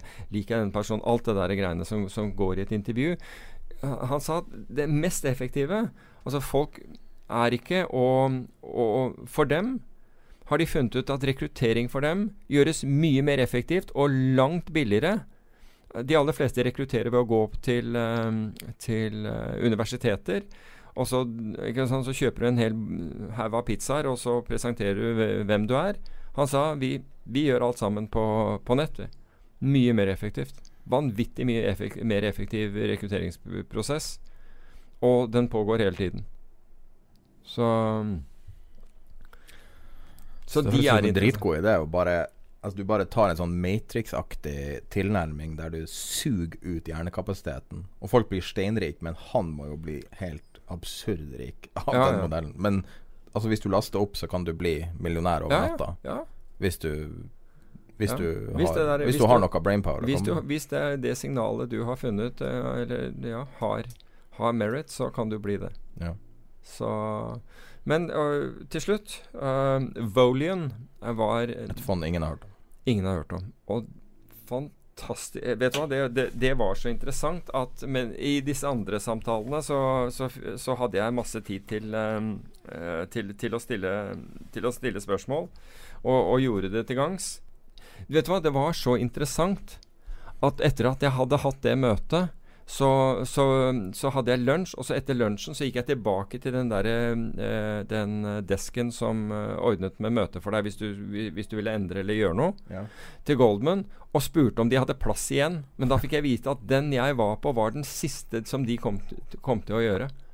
Uh, un, og under, um, under hele konferansen. Wow. Ellers så ville jeg sittet der, gått inn og hørt på akkurat det samme en gang til. Og Volian da Men da må du bare dra til Berkeley, da. ja, altså disse gutta som De er da utdannet ved Berkeley, og en, en gjeng som kom fra Berkeley som begynte med maskinlæring på veldig veldig tidlig tidspunkt. Altså Maskinlæring går jo tilbake til uh, slutten av 50-tallet, så vidt jeg vet. Men det var ikke så tidlig. Men, men den gjengen her uh, begynner i DE Shaw, som er et veldig kjent og svært hedgefond, i 92. Og, og, og bransjer ut derfra eh, senere. Og de er, altså det er, som du sier, de holder til i Berkeley i eh, California. Det er, eh, det er eh, rett over broen fra San Francisco. Ikke Golden Gate, jeg husker ikke hva den andre heter. Um, og de har 135 uh, ansatte. Og da de åpnet opp for uh, og det er ikke lenge siden. Da de åpnet det, Jeg tror det er to eller tre år siden, tre år siden da de åpnet opp for, for eksterne penger. Mm. Så satt de et tak på, på, på, på 6 milliarder. Han sa det gikk litt treigt til å begynne med, men plutselig så dro, dro det til, og nå hadde de 5,5 milliard US dollar. Og de kom til å softclose ved 6 for å se at det der men, men hva er det som er unikt med Volion? Det som er unikt med Volion, er for det første det er rent datadrevet. Og som han sier, du kunne tjent mer penger med beta. Du kunne sikkert ha Altså ved å ikke ha beta De, de er ikke interessert i det i det hele tatt. Med andre ord, eh, retningen på aksjemarkedet er, er ingen del av avkastningen deres. Til tider vil du tjene mer ved å Du gir opp noe sånn ved å ikke ha beta, men det tar du igjen ved, ved, ved, ved lavere risiko. De har null korrelasjon til bortimot alt, og det gjelder andre managere og altså andre fond, hele greia. De, han sa noen Hvordan sharp ratio er det? Vet du det? Nei, men det, det, den er høy, altså. Den er høy. Men det er, det, er, er ikke sånn seks sharp eller fire sharp eller noe sånt noe. Men poenget er at du har, her har du en inntektsstrøm som jeg mener er på ca. røftlig 7,5% i året, som kommer Altså som, som har null korrelasjon til omtrent alt annet du har. Og det er altså Hadde det vært en pensjonskasse, eller, eller for de aller fleste, superinteressant. Mm. Altså Hvis du vet at dette her det, det sammenfaller ikke med noe, det henter ikke ut uh, gevinst fra noe av det andre som jeg, er, som jeg har eksponering mot. En, en non-korrelert inntektsstrøm på 7,5% Du kan jo gire den selv hvis, hvis du vil. Um, er helt fantastisk å ha. Og de har en, de har en cutoff limit på at de ikke skal kunne tape mer enn 15% Så det forteller deg de har aldri vært på den, bare så det er sagt, men det forteller deg litt om risikoen. Så hvis du sier at du tåler aksjemarkedets risiko, så kunne du da tape tre Hvor du lett kan tape tre ganger det, så kunne du på en måte gire opp i, i tilsvarende. Så da havner du plutselig på 21% i året i, i avkastning. Og alle er data scientists. Og han sa at det vi forsøker å gjøre, det er å ta små gevinster fra utrolig mange steder, istedenfor å ta store gevinster fra få steder, som, som mange av konkurrentene gjør. Men, men, det var så mye andre ting eh, han sa, fordi disse bruker maskinlæring. Og det det de har drevet med hele livet, holdt jeg på å si. Hele deres yrkesaktive liv er maskinlæring. Og det var en sånn serie med sånne uh, one-liners som kom fra han uh, Han heter Michael Jeg vet ikke om jeg uh, pronounce, hva heter det? Uttaler det riktig. Kar Kartinov. Um, jeg kommer ikke over at du ikke snakker norsk etter å ha bodd i Norge hele livet. Problemet er at jeg tenker engelsk og så skal oversette Du er engelsk. Du har engelsk pass ja, alt. Ja, alt er i orden. Det, um, men men, men ene ting han sier, er at alfa altså Du hører jo liksom aksjeforvaltere fortelle hvor mye alfa de har. Han sier alfa er uncorrelated returns. Enkelt og greit. Ja. Det er alfa. Det korrelerer ikke med noe. Så alle andre som sier at de har alfa, som, som, som på en måte henter det ut fra et stigende marked, det har ikke noe med alfa å gjøre i det hele tatt. Um, han sa at hvis du trenger Han sa hvis du trenger en å vite hvorfor til enhver tid, altså vite og kunne forklare det du gjør overfor investorer og den type ting, så kan du, så kan du bortimot glemme å bruke maskinlæring. For han sa da, da kommer du til å miste så ufattelig mange signaler hvis du, hvis du skal kunne hvis, hvis, du må forklare hvordan det ble skapt. Kan vi bare stoppe på det punktet der? For jeg leste noe om det hadde lyst til å snakke om det i dag. Kom på det når du sier det nå. Kom igjen. At den, det var noen som sa det, nå klarer jeg Jeg skrev det ikke ned da. Men den største destrueringa av avkastning er the quest for why, var det en som sa. Og det syns jeg egentlig er et ganske bra poeng, fordi at når noe skjer, så er refleksen, pga. at vi alle leser aviser og alt mulig, er alltid hvorfor. Mm. Du, får, Ja. du, du sitter og ser på en chart hele dagen, Ja, ja. og du sitter og ser på kanskje ti charts, og så spiker noe, og så er instinktet ditt hva var det som skjedde nå? Mm. Men hvis du virkelig vil sikre deg avkastning, så er det jo å handle basert på det, ikke synse basert på det. For synsing vil jo ta kanskje, kanskje år å finne ut hva som Men skjer. han sa vi er ikke Altså, vi Du kan si at ulikt Ulikt veldig mange andre, altså eller de aller fleste, andre starter med en hypotese. Og, og det må jeg innrømme at jeg også ville gjøre. I, eh, i, i måten jeg tenkte på. Starte med en hypotese, og så vil jeg forsøke å, å hente inn data, analysere dataen. Han sa vi gjør ikke det i det hele tatt. Du mister altfor mange signaler. Mm. gjennom, hvis du bruker maskinlæring, hvis du starter med en hypotese Vi, vi bare lar maskinen jobbe med dataene. Ja, og the, the why er ikke viktig. Det er The why ikke, det, det er akkurat det han sier. The why er ikke viktig. Vi tar små Vi tar små posisjoner i tusener på tusener på tusener på tusener på tusener av ting Mm. til enhver tid. Så vi, vi har ikke tid til det, og vi vil, vi, vi vil unngå altså vi vil, eh, Det er så mange signaler som vil bli borte for oss dersom vi skulle spørre oss ja, men er dette fornuftig, eller hvorfor, gjør, hvorfor, hvorfor gir den dette signalet nå? Vi har ikke anledning til det. Mm. Jeg synes det var den eh, altså Som sagt, jeg skulle gjerne hørt presentasjonen en gang til. Eh, vil du investere i dem? Ja, jeg kunne, altså nå, nå er det jo spørsmål om man rekker det, rett og slett, fordi de, de fylles opp. Ja. Så, Men, men, det er jo ja. at noen, hvis det er noen i pensjonskassa eller en- diverse som hører på, så kanskje dem tar kontakt med Ja, jeg ville ha, jeg ville ha stupt inn fordi å få en ikke-korrelert avkastningsstrøm på 7,5 det er, det, er- det er utrolig mye verdt. Det er jo det, det, er det løftet av hedgefond er. Ja, og det er akkurat Ja, det er der det skal Det er i hvert fall det de skal gjøre. Eller i Mm. hvert fall det som var den opprinnelige ideen. Jeg tror veldig mange ikke skjønner hva hedgefond er for noe. Nei, og det er jo på en måte det Det er mange som altså. driver hedgefond som ikke skjønner det heller. Spør du meg, men det er en annen sak. Ja. Vi fikk en kommentar i gruppa som sa at vi hadde for korte podkaster, og for få. Det trodde ikke jeg var det tilfellet. Det Forrige gang holdt vi på i over to timer og var helt knust. Ja, i dag, ja, i dag Og vi er så vidt begynt på lista. ja, ja, det er urovekkende, for jeg har egentlig et, et møte om ikke så lenge. Ehm, og en av de andre spørsmålene var om du har lest noe siden sist. Og jeg kan si, mens du forbereder hva du har lest siden sist, um, så vil jeg tipse om noe på den lydboktjenesten som heter Audible. Uh, som jeg, jeg vet ikke om du har hørt på uh, Du har jo Audible, har du ikke det? Jo, jo, jo, er du gæren. Jeg bruker det veldig ofte. Jeg hadde det siden 2010 eller noe sånt, og har noen hundre bøker der. Og jeg syns det er veldig bra måte å lese på. Men en ting som, som er litt, kanskje litt uh, godt gjemt, uh, det er noe som heter Great Courses. Og det er universitetskurs uh, kokt ned til 24 timer. Så du har et Det som gir deg lignende mye informasjon som et helt semester på en 24 timers foredrag gjort av de aller beste professorene. Så eh, jeg tror det finnes eh, sånn 50-talls eh, sånne mm, på Audible, og så har de også noe sånn Great Courses pluss noe som heter også, der du kan ha flere hundre sånne. Og da kan du velge de mest obskure temaene du kan tenke deg. En sånn kjent som er veldig bra, er hvordan du skal høre på klassisk musikk. Altså lære deg å sette pris på klassisk musikk.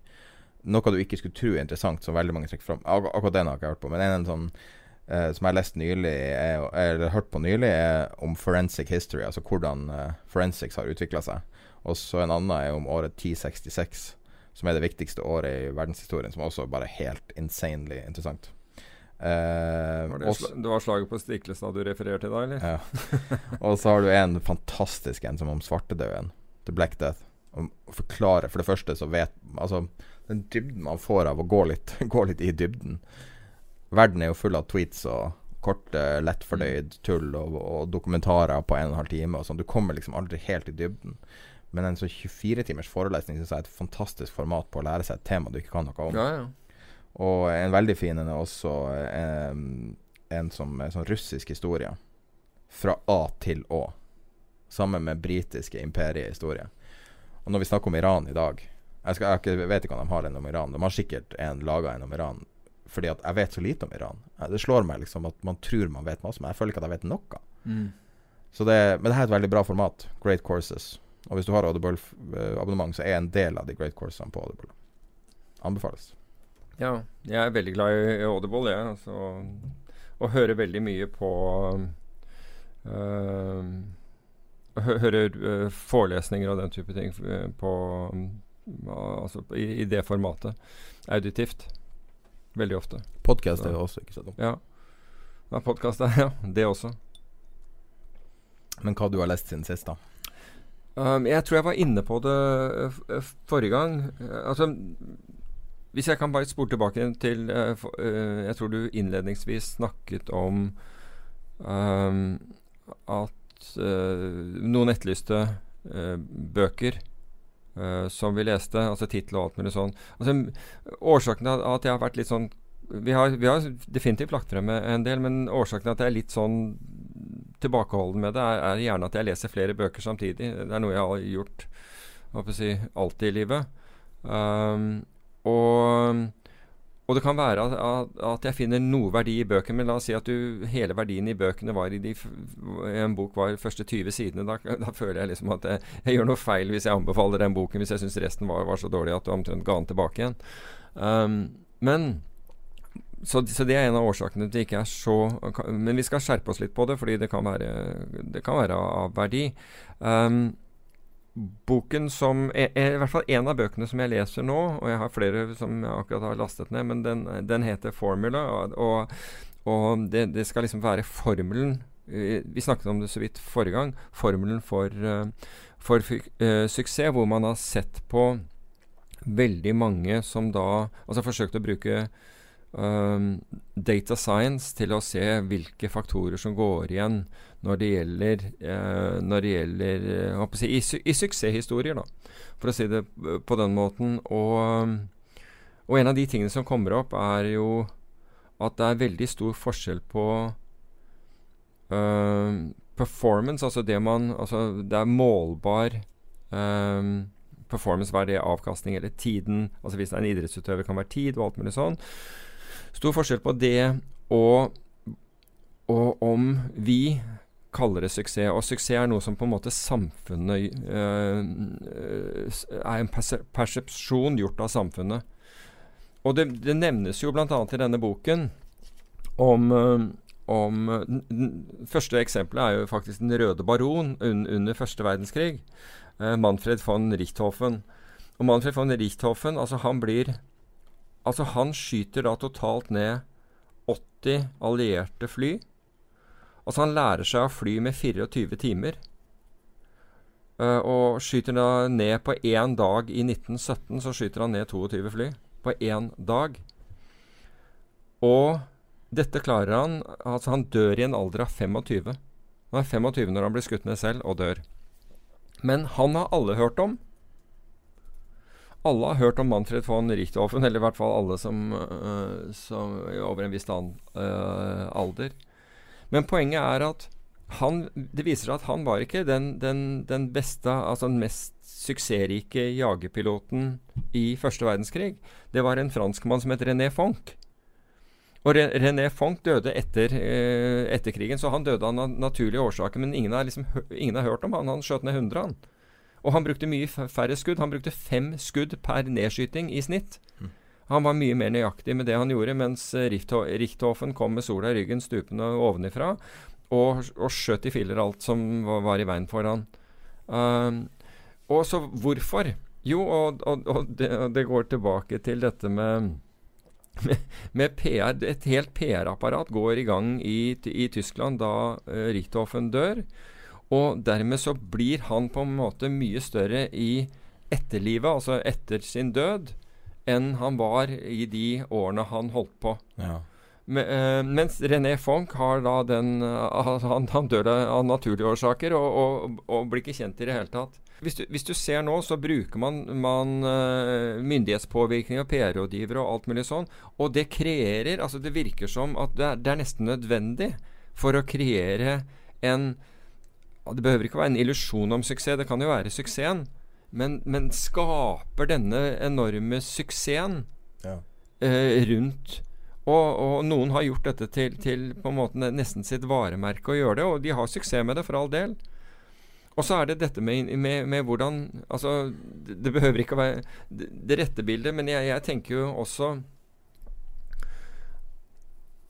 at ene er, er, det at man, man lager suksesser, men den, den mer farlige versjonen, det er jo når, når noen blir og, og, det er jo helt greit at et kommunikasjonsbyrå tar i oppdrag å lage eh, suksess av noe.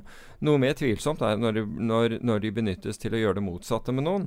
Altså når de betales for å lage en drittpakke om en eller annen. Som også skjer. Og Da begynner du å lure på ok, hvor mye av de folkene som er kjent gjennom historien, hvor mye er det at vinneren skriver historien, og vinneren ja. Det er det veldig mye av. Det er jo ingen, ingen tvil. Det er jo ingen tvil om det. For tenk deg hvor lite man egentlig vet. Ja. Hvor lite man bare tar for gitt om alt. Ja. Tenk deg finans. Tenk deg bare eh, når det når, De navnene du har nevnt i dag fra Goldman-konferansen, hvor mange av de navnene ingen har hørt om, og jeg også ikke har hørt om. Altså. Mm. Og kanskje ikke du hadde hørt om før du var der, jeg vet ikke. Nei, jeg, er- altså, jeg hadde hørt det, men det var så perifert at jeg ante ikke noe, Men det her er de noe som om betyr det. noe. Og det var bare når jeg begynte å lese detaljer om hva de drev med, at jeg tenkte oi, den her er jeg interessert i. Ja. Den her er jeg interessert i. Så, Men en sånn sånn liten bedrift med noe Ja. PhD-er, ikke sant. Ja. Who gives a shit? Mm. For de står ikke, står ikke i avisa og skryter av hvor smart de er, og det her er den siste traden jeg har gjort. Ja, nettopp. Og en god narrative, liksom. Ja. Så Det er litt sånn urovekkende hvor lite man egentlig vet. Jeg syns det på en måte er negativt å lese aviser, fordi at man får en sånn illusjon av å være opplyst. Men det er jo også det der at når vi gjør analyse på ting vi, vi ser det som står i avisen og, og tenker jøss, det her fyren ser kjempesmart ut. Og wow. Og så gjør du analyse på det, og så finner du ut at fordi du har tidsserien f.eks. til fondet eller hva som helst, så ser du at men her er jo bare vanvittig risikotaking. Det er jo, jeg har ikke tilført noe som helst annet enn å være gæren og trykke den der pedalen ned. Og det går veldig bra når det går opp, men det går jo tilsvarende til helvete når det går, går dårlig. Og det, det tilfører jo på en måte ikke noe. Um, så, så ja til, det, til akkurat det, uten at vi trenger å bruke Men i hvert fall den boken uh, Hva den heter igjen, kan du gjenta tittelen? uh, den, uh, altså den, den Jeg tror den heter The Formula, hvis jeg bare tar åpen telefonen min og så ser jeg akkurat hva den heter. Boken heter The Formula og er av Albert Laszlo Barabasi. Uh, altså Jeg skal ikke gå god for Jeg, har- jeg har fortsatt et par timer igjen av den, den boken, og jeg leser flere andre også her. B- bare, bare så det er sagt. Uh, så um, Men, men jeg syns jeg, Altså jeg syns det dette handler om perspektiv. Det gjør deg ikke noe smartere nødvendigvis i finans. Du kan kanskje unngå noen miner i finans hvis du, hvis du skjønner at, uh, at mye av det du har foran deg, er hype. Faktisk. Så sånn sett kan den være relevant for, uh, for finans. Ja, Don't believe the hype, ja. Det er ganske bra Ja. eh, innspill, faktisk. Ja, eller i hvert fall være skeptisk overfor, uh, overfor hypen. En ting som er veldig artig når Hver gang jeg er på flyplass Jeg har flere ganger lagt det ut i, i gruppa. Så hver gang jeg er på flyplass, så tar jeg bilde av uh, spreaden på uh, uh, Spreaden på vekslings, altså vekslingskursen Ja. på de vekslingsautomatene, eller minibankene da i Oslo, som er helt insane. Der spreaden er liksom Ja, ja. krone på dollaren. ja, det helt, Og det er jo det samme som, som å kjøpe og selge et produkt i Altså kjøpe og selge en, en valuta på, på, med tradingkontoen din. Ja. Og så hadde du en litt sånn negativ opplevelse Ja, altså- mellom episodene. Ja, og da, da det, Jeg skal dra den også, men, men altså, det noe, altså Det er noe som heter PS2, som er et direktiv som nå kommer, som, som ruller inn, og som gjør at banker blir utsatt for konkurranse, bl.a. når det gjelder eh, valutahandel.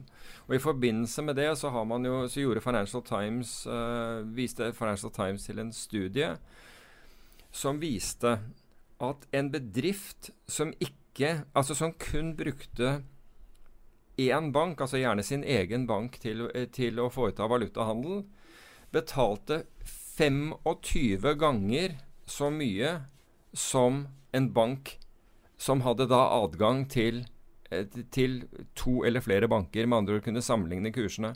Mm. Så du betaler da altså til banken fem, altså en margin som er 25 ganger større. Og det er jo liksom hårreisende og danne grunnlag for bl.a. Altså norske, dette, dette selskapet Just og det selskapet i Bergen som er startet av noen tidligere valutameglere, som nettopp går på, på en måte av, og disse, Dette er valutameglere fra banker, som går på å avsløre hvor mye banker tar for, for denne tjenesten. Og så Forleden dag da, så, skulle, så skulle jeg selv ha, handle eh, i forbindelse med en investering. Så, så rett under 100 000 dollar. Og så ringer jeg da For det første, eh, dette er hvordan det fungerer i dag. Det er helt utrolig. Du prøver å få tak i banken, og så det, du får ikke da tak i banken fordi det, det, du blir satt i en eller annen sånn der vanvittig kø. Og det, dette er den der dagen hvor Norges Bank går ut, så dollaren faller en god del i verdi. Og jeg er interessert i å kjøpe denne, denne dollaren og utnytte dette. Og da er det sånn, de skal ringe deg opp igjen, og det er liksom Kan megle på Dette det. er spot-handel, ikke sant? Nei, og så viser det at han som driver med dette her, han er borte fra desken. Det er én person. Dette er Storebrand Bank. Det er én person. Det er én person som kan, som kan handle valuta. Men hvorfor gjør du det gjennom dem? Nei, det er bare fordi jeg, jeg, Du kan si at jeg var jo i Finansbanken, og Finansbanken ble kjøpt opp av, av Storebrand Bank. Akkurat. Og, så, så det er bare egentlig fortsatt for det. Men, men poenget er at når jeg da endelig får prisen så, altså, så, så lurer på om du har fått prisen på dollar eller pund eller hva det er. Du kjenner jo ikke igjen dette her i det hele tatt. Men hør her. For, for, for 30 år siden så var spredden på, på, på dollar mot norske kroner 220 punkter.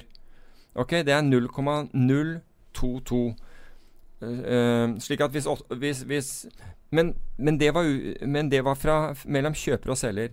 Ut, men du tok 110 punkter ut fra midtkurs. Så, mm. så, du kan si at hvis dollaren var, bare for å ta et, et tall, 8,50, og du skulle kjøpe det var den ikke for 30 år siden. Men, og du skulle kjøpe dollar, så ville du betale 8,51.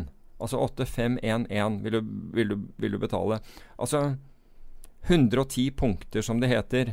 Um, 0,011 uh, på dollaren. Så får jeg prisen fra Storebrand Bank. Der, er på, der er marginen i dag, altså 30 år senere, 30 år senere og vanvittig konkurranse og elektronisk handel senere, så opp, opp, har de en margin på 300 punkter. 300 punkter. Vil si at hvis du hvis, Ta en bedrift som handler f.eks. 100 millioner dollar i året. Det er en årslønn, det. Du har gitt fra deg Du har gitt fra en årslønn mm. til en Og du, det, du må huske her Det er ikke noen som tar risiko. Han fyren som kjøper de dollarene, han sitter ikke liksom, med en bok og tar risiko. Han bare trykker på en knapp og kjøper den der dollaren av en annen. For han, han tar null risiko. Det er en administrasjonsøvelse. Det er, bo, det er bare et sånt trykk her. Og så sitter man og betaler dette. Det er jo helt insane at det går an. Og, og den vanlige spredden på dette er, er, er, er en tiendedel av det. Mm. Og der sitter kunder og, og eh, Altså, når jeg spurte henne hvor, eh, liksom, hvor mye er altså, Dere må jo få mye klager på, det, på dette her. Altså, det, det, er jo ikke så mange som handler valuta med oss lenger. No shit, really? Men altså, det er en skam, vet du. Altså, men hadde det, hadde noen, altså, det er akkurat som å kjøpe aksjer. Du bare klikker på, på kursen, og så har du den. Og så tenker jeg, Hvis du skulle gjort det der i aksjemarkedet, tilsvarende i aksjemarkedet var at du betalte 15% eller noe sånt i kurtasje Altså, det er helt absurd. Så når Og hvorfor ikke Altså når, når, man skal regulere alt mulig annet De skal regulere aksjemeglere herfra til månen. Men banker Nei, blir ikke regulert i det hele tatt, de. De kan bare gjøre akkurat hva de vil. Det er helt Altså, PSD2, bring it on. Bring it on. du sa du eh, skulle rante hvis det var en uke siden, men det er lite rant nå. Ja, nå. Men det er liksom sånn Hvordan går an, da? Annet enn det så er jeg veldig fornøyd med banken. Det er hyggelige folk og alt det der, men vær så snill, da. Altså En spredd som er videre enn det den var for 30 år siden. Men du kan, si at, du kan jo si at du tjener på det. Say what? Jeg kan fortelle deg hvordan du tjener på det. Fordi jeg ble klar over å handle et annet sted? Fordi at Folketrygdfondet er den største eieren. Og takk skal du ha. Ja, nå, nå, ble jeg beroliget. 11 ja. Så den der eh, blodspreaden går rett inn i Inn i hva? pensjonen din. Nei, jeg gjør ikke det, vet du. Det er ikke noe for den. Men, uh, men ja.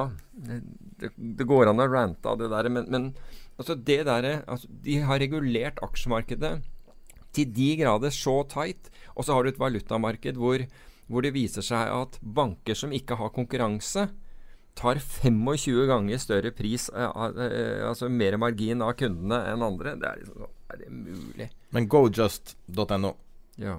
De er vel etablert nettopp for å ta det her? Uh. Ja, og så er det et selskap, men jeg husker ikke navnet på det, i Bergen som også som med, med, to tidligere valutameglere, som, som, også gjør det der, altså hvor de, hvor de gjør disse samlingene hvor du kan rett og slett gå inn, sette inn beløpet ditt og se hvor mye du betaler i margin. Det som er spesielt med sånn her type margin, er jo at det går rett fra bunnlinja di.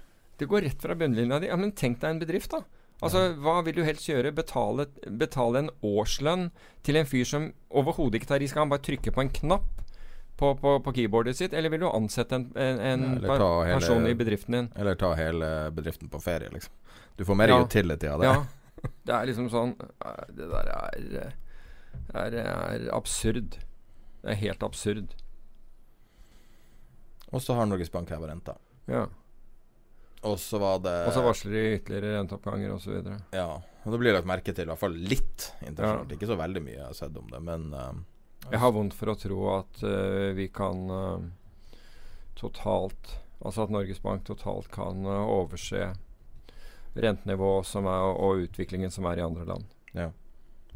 Ja, det, det, tror jeg ikke skjer. Altså, for da, da, plutselig skjer det noe gærent i økonomien vår. Hvis vi gjør det. Ja, man så jo Ja. Ja, for, for, eksempel altså, Kronen har jo styrket seg siden. Og Noen øre, men det var jo en bump. Altså litt, litt for sterkere. Ja, det er 25 øre eller noe sånt noe sterkere. da Nå har ikke jeg sett kronen i dag, men uh, dollar norske. Så der, der, ja, det er med, ja, jo, det er ytterligere et par eh, Stengte vel rundt 8,50 før helgen og 8,48 nå. Så, så, det er jo 7-28 øre. Altså det, eh, det er Altså det, det, det, sagt så har jo kronen svekket seg i, i, um, i lang tid. Men, men dette, altså dette, er jo første tegn på at man har nådd et, et punkt nå, føler jeg, som som kan begrense sentralbankens mulighet til å gjøre akkurat som den vil. Altså mm. for å, for den norske sentralbanken? Ja, for å dempe, dempe uh, konsumet. Altså Drar du på 25 øre til, så begynner det å svinge. altså. Da begynner, uh, da tror jeg nok en del norske eksportbedrifter kommer til å være mindre happy. Men det er jo ikke bare eksportbedrifter i Norge. Noen jo, vil jo ha sterkere kroner Altså. Ja da, noen vil ha det. Importørene vil jo ha det. Så uh, det er jo en avveining. Nå er vi jo på historisk eh, Fortsatt på en historisk peak. På femårschartet så ser det ikke ut som det er så veldig stor ja. bevegelse for krona. Nei, så. det er ikke det. Jeg har, eh, jeg har hedga eurorisk og den type ting. Så. Ja, kan du fortelle litt? Du, du trenger ikke å spesifisere hvor, hvordan investering du gjorde.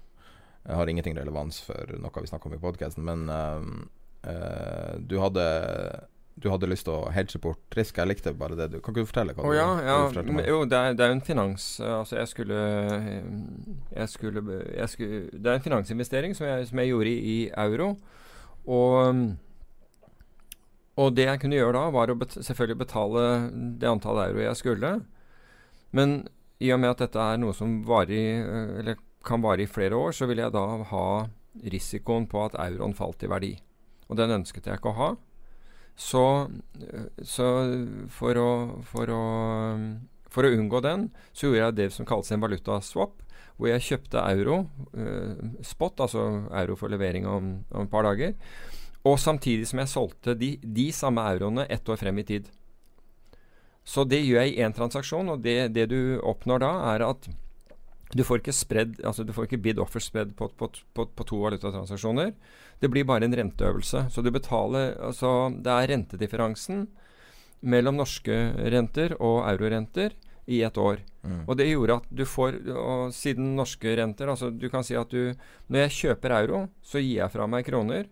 Og den som sitter da på kronen i et år, har en høyere rente enn det jeg vil ha på euroen.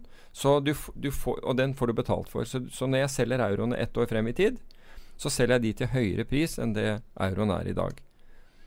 Og dermed så har jeg ingen valutarisiko på den. Nå kommer jeg det er jo dobbelt positivt, da. Det er det som er så Ja, det er dobbelt positivt. Men du kan si at i, i dollartilfellet så vil du få det motsatte. Der får du en liten minus. Mm. Um, jeg bare syns det var litt finurlig. Jeg. jeg tror veldig mange ikke vil hedge bort valutarisk. Det er ikke noen Ja, jeg tror ikke det er mange som, som Altså, hvis du er en bedrift, så vet du hvordan du skal gjøre disse tingene. Men, men privatpersoner, så er det vel kanskje lite at, at man gjør det. Ja, En typisk CFO-oppgave, hedge bort valutarisk. Ja, og valutaswapper er veldig vanlig. Vi gjorde det når jeg var forvalter. altså Vi, vi hedget bort all mulig valutarisk eh, på denne måten. Så vi hadde jo store swap-bøker. Men det er jo også det som jeg føler at skiller kanskje deg og andre hedgefondforvaltere fra tradisjonelle kanskje aksjefondforvaltere eller tradisjonelle mm. tradere mm. eller investorer. Og det er at man, man ser på risiko i det hele bildet, og man vet hvordan risiko man tar og man prøver å basere seg på data. Og det at du sier 'Gud vet hva som skjer med kroner og euro'. Mm. Altså, ett år er ganske lenge i den. Du ser jo bare nå ei uke hvor store utslag du får. Ja. Jeg er veldig, veldig glad for at jeg gjorde det, for å si ja. på den måten. Og så når du i tillegg da kan finne en liten carry trade, mm. Så Altså det er jo, det er jo bokstavelig talt ingen grunn til å ikke hedge det bort, med mindre du har en veldig sterk conviction for at krona skal uh, Eller for at euroen skal gå, gå Ja. videre. Ja, akkurat. Så det handler jo egentlig om å, å ta den risikoen du mener å ta, og på en måte kvitte deg med den du den residuale risikoen, den risikoen du egentlig ikke hadde, hadde et bevisst forhold til. Ja. Så, Nei, jeg, bare, jeg syns det var en artig anekdote. Det var Mm. noe du nevnte i forbifarten når vi satt og diskuterte. Mm. Eh, for jeg skjønte ikke hvorfor du hadde konstruert det som en som en swap, og ikke fordi jeg trodde du skulle bare Du, du trengte bare um, Euro, altså bare kjøpe ja. i spotmarkedet, Mm. men Nei, det er fordi jeg skal bli Ja, det jeg kommer til å sitte på, på Dette var noe, dette var noen rentepapirer. du har ikke tenkt så mye på Facebook Libra? Nei, jeg har ikke det. Ikke annet enn uh, at hvis jeg kan gå tilbake, bare et kjapt uh, tilbakespoling til, uh, til, til von Avolian, så ble han, øh, han øh, forvalteren der spurt om, om hvem han anså for å være i hans uh, største konkurrenter. Og han sa at alle tror vel at jeg nå skal svare Renaissance Technologies og Two Sigma, men det er Google og Facebook, Hmm. sa han. Og, og det er vel akkurat det vi i forbindelse med Facebook Libra ser, er at det er jo en kryptovaluta Ja. backet opp av, av, av en kurv av uh, konvensjonell valuta, Ja. Men som, uh, som på en måte tar banker og finansinstitusjoner ut av, av regnestykket. Ja. Du slipper å forholde deg til de, og du slipper å betale marginer til de. Så hvis du skal summere opp sånn roughly hvordan det er konstruert, uten å gå i detalj Du kan jo lese deg opp på det her. Det er, man vet jo fortsatt litt lite om hva det er. Eh, men du vet i hvert fall hvor det er konstruert. Sånn at Facebook har ikke så mye makt som de kunne hatt. Så det er jo fint. Sånn at det her er uh, Man kan si at det her på likhet med når Swatch på 90-tallet lagde Internet Time, husker du det? Mm.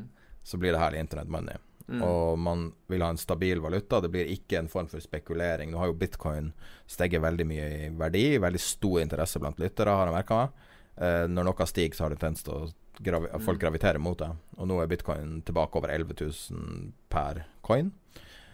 Og sannsynligvis drevet litt av, av det at Facebook nå satser på krypto. Ja, det virket som det, men, det, eh, Men den her bitcoin kan- begynt å stige, Ja. før det. Men, men du kan si at i Og det er egentlig en styrke i forhold til eh, den oppgangen som vi ser i krypto. Det er at nå er ikke, nå er ikke gud og hver. Man har ikke kastet seg på dette. Du Nei. ser at ingen syns å bry seg fryktelig mye om det. Um, Men det er veldig stor uenighet om det der er et godt argument eller ikke. Også hvis du kan, du kan se på gruppa diskusjonen Altså, som går frem og Jeg tenker jo det der at, at når du får en sånn parabolsk, og, det, og den oppgangen som vi har sett nå, er jo ikke på noen måte parabolsk, men når du får en sånn parabolsk oppgang hvor folk ringer deg og sier at hvis du kan kjøpe kryptovaluta for dem, så, skal du få 20, så, så kan du ta deg ty, betalt 20% Da vet du at gærningen er med. Altså. Ja. Og, og sånn som det er nå, så har jeg ikke hørt noen si noe annet enn enn de jeg kjenner som har det, og, og som sitter i kryptovaluta. Ja, du, jo, du kjøpte deg jo på bottom tick nesten inn i det fondet. Ja, ja altså eh, blockchain jeg, jeg så for øvrig blockchain hedgefond er opp 80 hittil i år. Ditt fond. Nei, blockchain hedgefond-indeksen over blockchain hedgefond. Mitt er WC-fond. Det er jo venture capital, så, så Altså, Det er klart at det har gått bra, men um, sånn som ting er. Men, men altså, dette, dette er lange briller. Vi ser langt fremover på det. Mm, Det er naturlig å ehm, Det er naturlig å eh, tro at um, At de kanskje vil være en node. For det, da kommer vi inn i hvordan det er konstruert. da Mm. eh, Og Man har jo sånne noder som på en måte backer denne valutaen. da Det er jo litt Mm. sånn Vi, ut, vi trenger ikke å prøve å gå i komplisert Nei. detalj, for det er garantert feil hvis du sier noe. Ja, ja. Men det at de, eh, at de lar folk kjøpe seg inn som noder med cash, Mm. og den cashen dekker operasjonen av den. Så effektivt sett så får vi da den første reelle eh, na, ikke- ikke-nasjonale valutaen. Fordi at den backer av mange forskjellige valutaer, så den vil da implisitt bli mye mer stabil, skulle man tro. Ja. Og da vil det jo også være mye mindre grunn til å spekulere på det. Men det vil jo også være en driv, driver for å bli en node. Koster jeg tror det er 10 millioner dollar for å være en node. Og da er du der. Da får du en, en liten return, så vidt jeg skjønner, på å bidra til å Som er da insentivet til at sånne som Visa, Mastercard og alle mulige med. PayPal er med.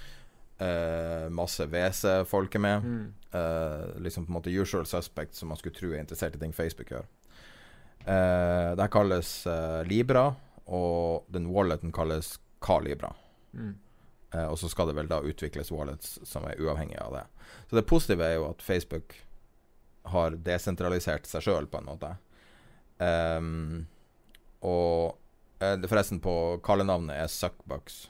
Eller Suck, Suckbuck. det høres jo attraktivt ut. Uh, altså Zuckerberg. Uh, mm. Og så um, uh, Så det er på en måte utrolig spennende. En av de Når du ser på Jeg syns det var spesielt artig å se på um, det, det, det, nettstedet som heter TechMeme. Som er kanskje det nettstedet som flest teknologiledere leser. De deler linker hver dag, fokuserer på et par saker, og de driver på en måte diskursen i Silicon Valley og det miljøet. Mm. Veldig, veldig, veldig lest. Bare linker til andre ting. Og de fokuserte noe helt grassat mye på Libra. Det er den saken jeg har sett som har fått mm. mest fokus. Så det her kommer til å være viktig. I, i finans veldig lite snakk om det her, egentlig. Så, så jeg har ikke hørt noen For ingen vet hva de skal si, liksom. Mm. Mens i, i, tech så er det her en big deal. Big deal. Går det an å klare å forholde deg til det, eller vil du bare vente og se? Eller? Nei, jeg lar, jeg, jeg lar ekspertene jeg mener, Det kan godt hende at jeg er med på dette gjennom, gjennom den WC-en. Ja. I hvert fall hvis det er, eh, som du sier, usual suspects med, så er det nok det. Ja. Det er sånn den listen uh, Ja, ja, ja sånn. nettopp. Vi har uh, Altså, det Det fondet jeg er med i, har gjort flere parallellinvesteringer med dem. Og hvis du vil lese mer om Libra, så anbefaler jeg å se på TechMeme. Der er det veldig mye fortsatt. Og så er det en del linker i beskrivelsen av denne podkasten også, som er den teksten knytta til. Uh, du har lagt inn avkastningsberegninger for PE og aksjefond. Mm. Jeg vet ikke hva du mener med det engang. Jo, altså Du ser jo disse enorme suksesshistoriene. Apropos dette med, med, med suksess og hvordan vi Og persepsjon. Så så jeg forleden dag uh, hadde tjent uh, ni ganger pengene sine, et, et eller annet PE-fond. Og det er ikke det at ikke det er, det er kjempebra, men legg merke til at enkelte blir holdt til en annen standard enn andre. Ta f.eks. et aksjefond. Mm. De aller fleste aksjefond de, de, blir bedømt etter den avkastning som fondet har.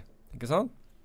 Og den avkastningen er, er tilgjengelig hver eneste dag. Men så har du noen Blant annet altså PF-fond, Og det fins mange bra PF-fond, men det er også funnet noen som har vært skikkelig dårlige her, her, i landet. Bare så det er sagt, men det har vært de som er veldig bra.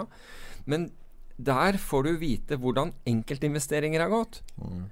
Og pressen ser ut til å kjøpe det rått. ikke sant? Det er Et, en, ja, EQT går ut og sier vi tjente For eksempel, ikke sant? Og så, så blir det helt voldsomt. Men ingen, ingen snakker om ja, ok, men hvor god avkastning har du hatt de siste ti årene, eller hva det måtte være, da? I disse her. Ikke det at det ikke har vært bra i akkurat uh, den du nevnte, men svært ofte Hvis du tar en enkeltinvestering ut av en portefølje, så er det egentlig uinteressant for de aller fleste. Det er bra at du har funnet den, men hvis resten av porteføljen din er illikvid uh, greier som du ikke kommer ut av, så blir ikke totalavkastningen din så, så fantastisk likevel. Nei.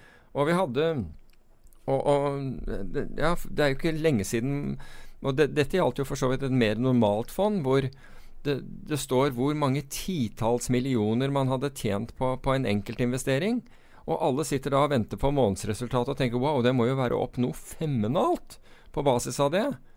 Og så er fondet ned 2,5% Og da, da, tenker jeg det er jo en sånn Det er jo virkelig en sånn derre um, kommunikasjonsjobb som er gjort her. Egentlig så har de veldig mye dårlig i porteføljen, men så hadde de en ting som var bra. Så gikk man ut til presten med å fortelle hvor bra dette her var. Og dermed så skjulte du liksom For hvis man tjente titalls millioner på en enkeltinvestering og allikevel var ned, da tapte man enda mer. Men dette er liksom den derre PE-verden.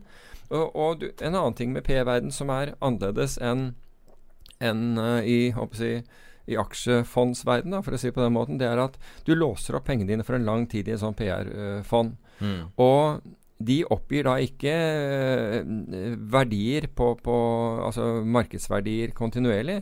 Og vi så det under jeg tror det var finanskrisen, hvor Da var det et norsk PR-fond som ikke skrev ned verdier i det hele tatt. De sitter på kraftig belånte aksjer som det ikke finnes et marked for, og så opprettholdes verdien gjennom finanskrisen fordi det har ikke vært noen transaksjon. Selvfølgelig har det ikke vært noen transaksjon, fordi det er jo, det er jo ingen som du, du, klarer ikke å komme ut av dette her om, om, om du ga det bort under den perioden. Og det er det jeg mener det holdes til, til en helt annen standard enn f.eks. aksjefondet, som må må vise verdien på, på, porteføljen sin til enhver tid. Du hadde en bra Freudian slip der, forresten. Merka du det? Du sa PR-fond. Oh, det er ganske bra. Eh. Same thing. Same thing. Same thing. Men, uh, men det, er, det, er, nettopp at man holdes til en annen, annen standard uh, på disse fondene. Og det er litt sånn Og, og folk som da sammenligner dette her, sammenligner uh, virke, Ja, det er ikke epler og pærer engang. Det er epler med Ja, vet ikke hva. Sprit. Eggplant. Hva vet jeg. Eggplant er sånn her emoji. Du må ikke bruke det eksempelet, for det betyr noe i emoji-verden. Ok, greit. du må finne noe annet. Mm. Eple og sider. Nei, men da uh, må du komme deg til møte. Vi runder to timer igjen. Det virker som at to timer er liksom Der klarer vi ikke mer. Jeg trenger noe sånn, uh, sånn uh, julemarsipan eller et eller annet for å få opp energien? Nei, nå var det fordi uh, jeg hadde allerede et, uh, et Jeg kunne nok kjørt, kjørt, lenger, det er ikke det, men jeg hadde et møte, så det var ikke så mye jeg kunne gjøre. Ja. Men Hva du syns du om det nye studioet, da? Jeg liker det. Ja, litt mer luft her? Ja, det er mer, ja, vesentlig mer luft. Ja, Vinduet er åpent, og du slipper å sitte så nært meg, altså? Eller vi legger ut et bilde av det nye studioet. Så, nei, men da, da, kan vi avslutte med vår samtale med Erik Hansen fra IG Markets. Det er jo kommet en del nye regler og det er kommet en del nye beskyttelser. Så du er jo mye, du er mye tryggere når du handler med CFD-er nå eh, enn du har vært før. Og en av de tingene som er, eh, er at man, det er umulig å tape penger du ikke har satt inn på kontoen. Mm. Som er det eh, dere kaller på det svenske kontoret som er negativt skydd. Altså du er beskytta for, for, å gå inn minus. Kan du fortelle litt mer om det? Ja, precis. Uh, man kan si at CFDs jo en produkt som er veldig lik uh, futures. Eh, traditionellt så var det ju oftast att eh, professionella aktörerna handlar, handlar futures, det handlar med en margin eh, och både då på futures och CFDs så finns det då en möjlighet att man hamnar på negativt eh, balance. Eh, men nu har ju då ESMA som den europeiska tillsynsmyndigheten eh, gått in och reglerat branschen lite grann. och en sak de har gjort det är att de har gjort så att det er umulig å havne på negativt balance for en ikke-professionell kund. Uh, og det er da IG som står for den risken. Uh, så att, och det er også litt høyere uh, marginkrav nu enn hva det var tidligere. Så at man bør stoppe in litt mer penger. Men det her med negativt kontoskydd då, det är jättebra for, for kunderna å ha det som en trygghet att man kan aldri förlora mer enn uh, insatt kapital. Altså, Men det er teknisk umulig? Å det går ikke an? Nei, det, det, det, går ikke å tappe mer insatt kapital om du er en ikke-professionell kund, vilket de, de fleste kunder er. Man kan ansøke om å bli professionell kund uh, og da har man litt mer valfri muligheter. Uh, man kan ligge på minus. Det finnes, det finns de som vil kunne ligge på minus. for at de vil da ikke bli utstoppade på margin call i onödan. Ehm, och de kanske också ville ha lite högre leverage, uh, professionella kunder.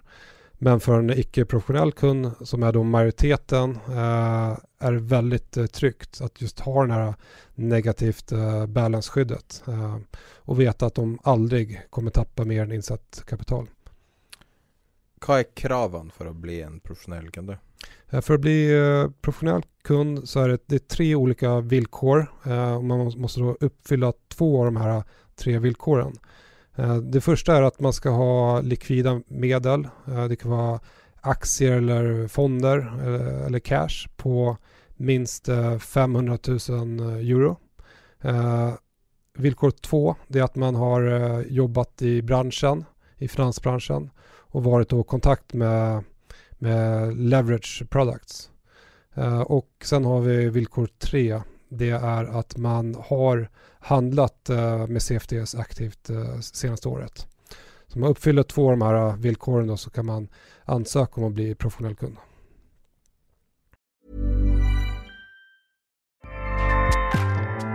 ACAST powers the world's best podcasts. Here's a show that we recommend. The Real Housewives is a guilty pleasure for most, but if you're looking to not feel guilty about that pleasure, tune in to Everything Iconic with me, Danny Pellegrino, where I break down all the messy moments and behind the scenes antics of Bravo's popular franchise. And on Everything Iconic, I also interview celebrity guests like Kelly Ripa, Kiki Palmer, Drew Barrymore, Cameron Diaz, and more about their guilty pleasures, their past work, and so much more. So if you're pop culture obsessed and find yourself watching way too much reality TV like me, tune in to Everything Iconic with Danny Pellegrino wherever you listen to podcasts. ACAST helps creators launch, grow, and monetize their podcasts everywhere. ACAST.com.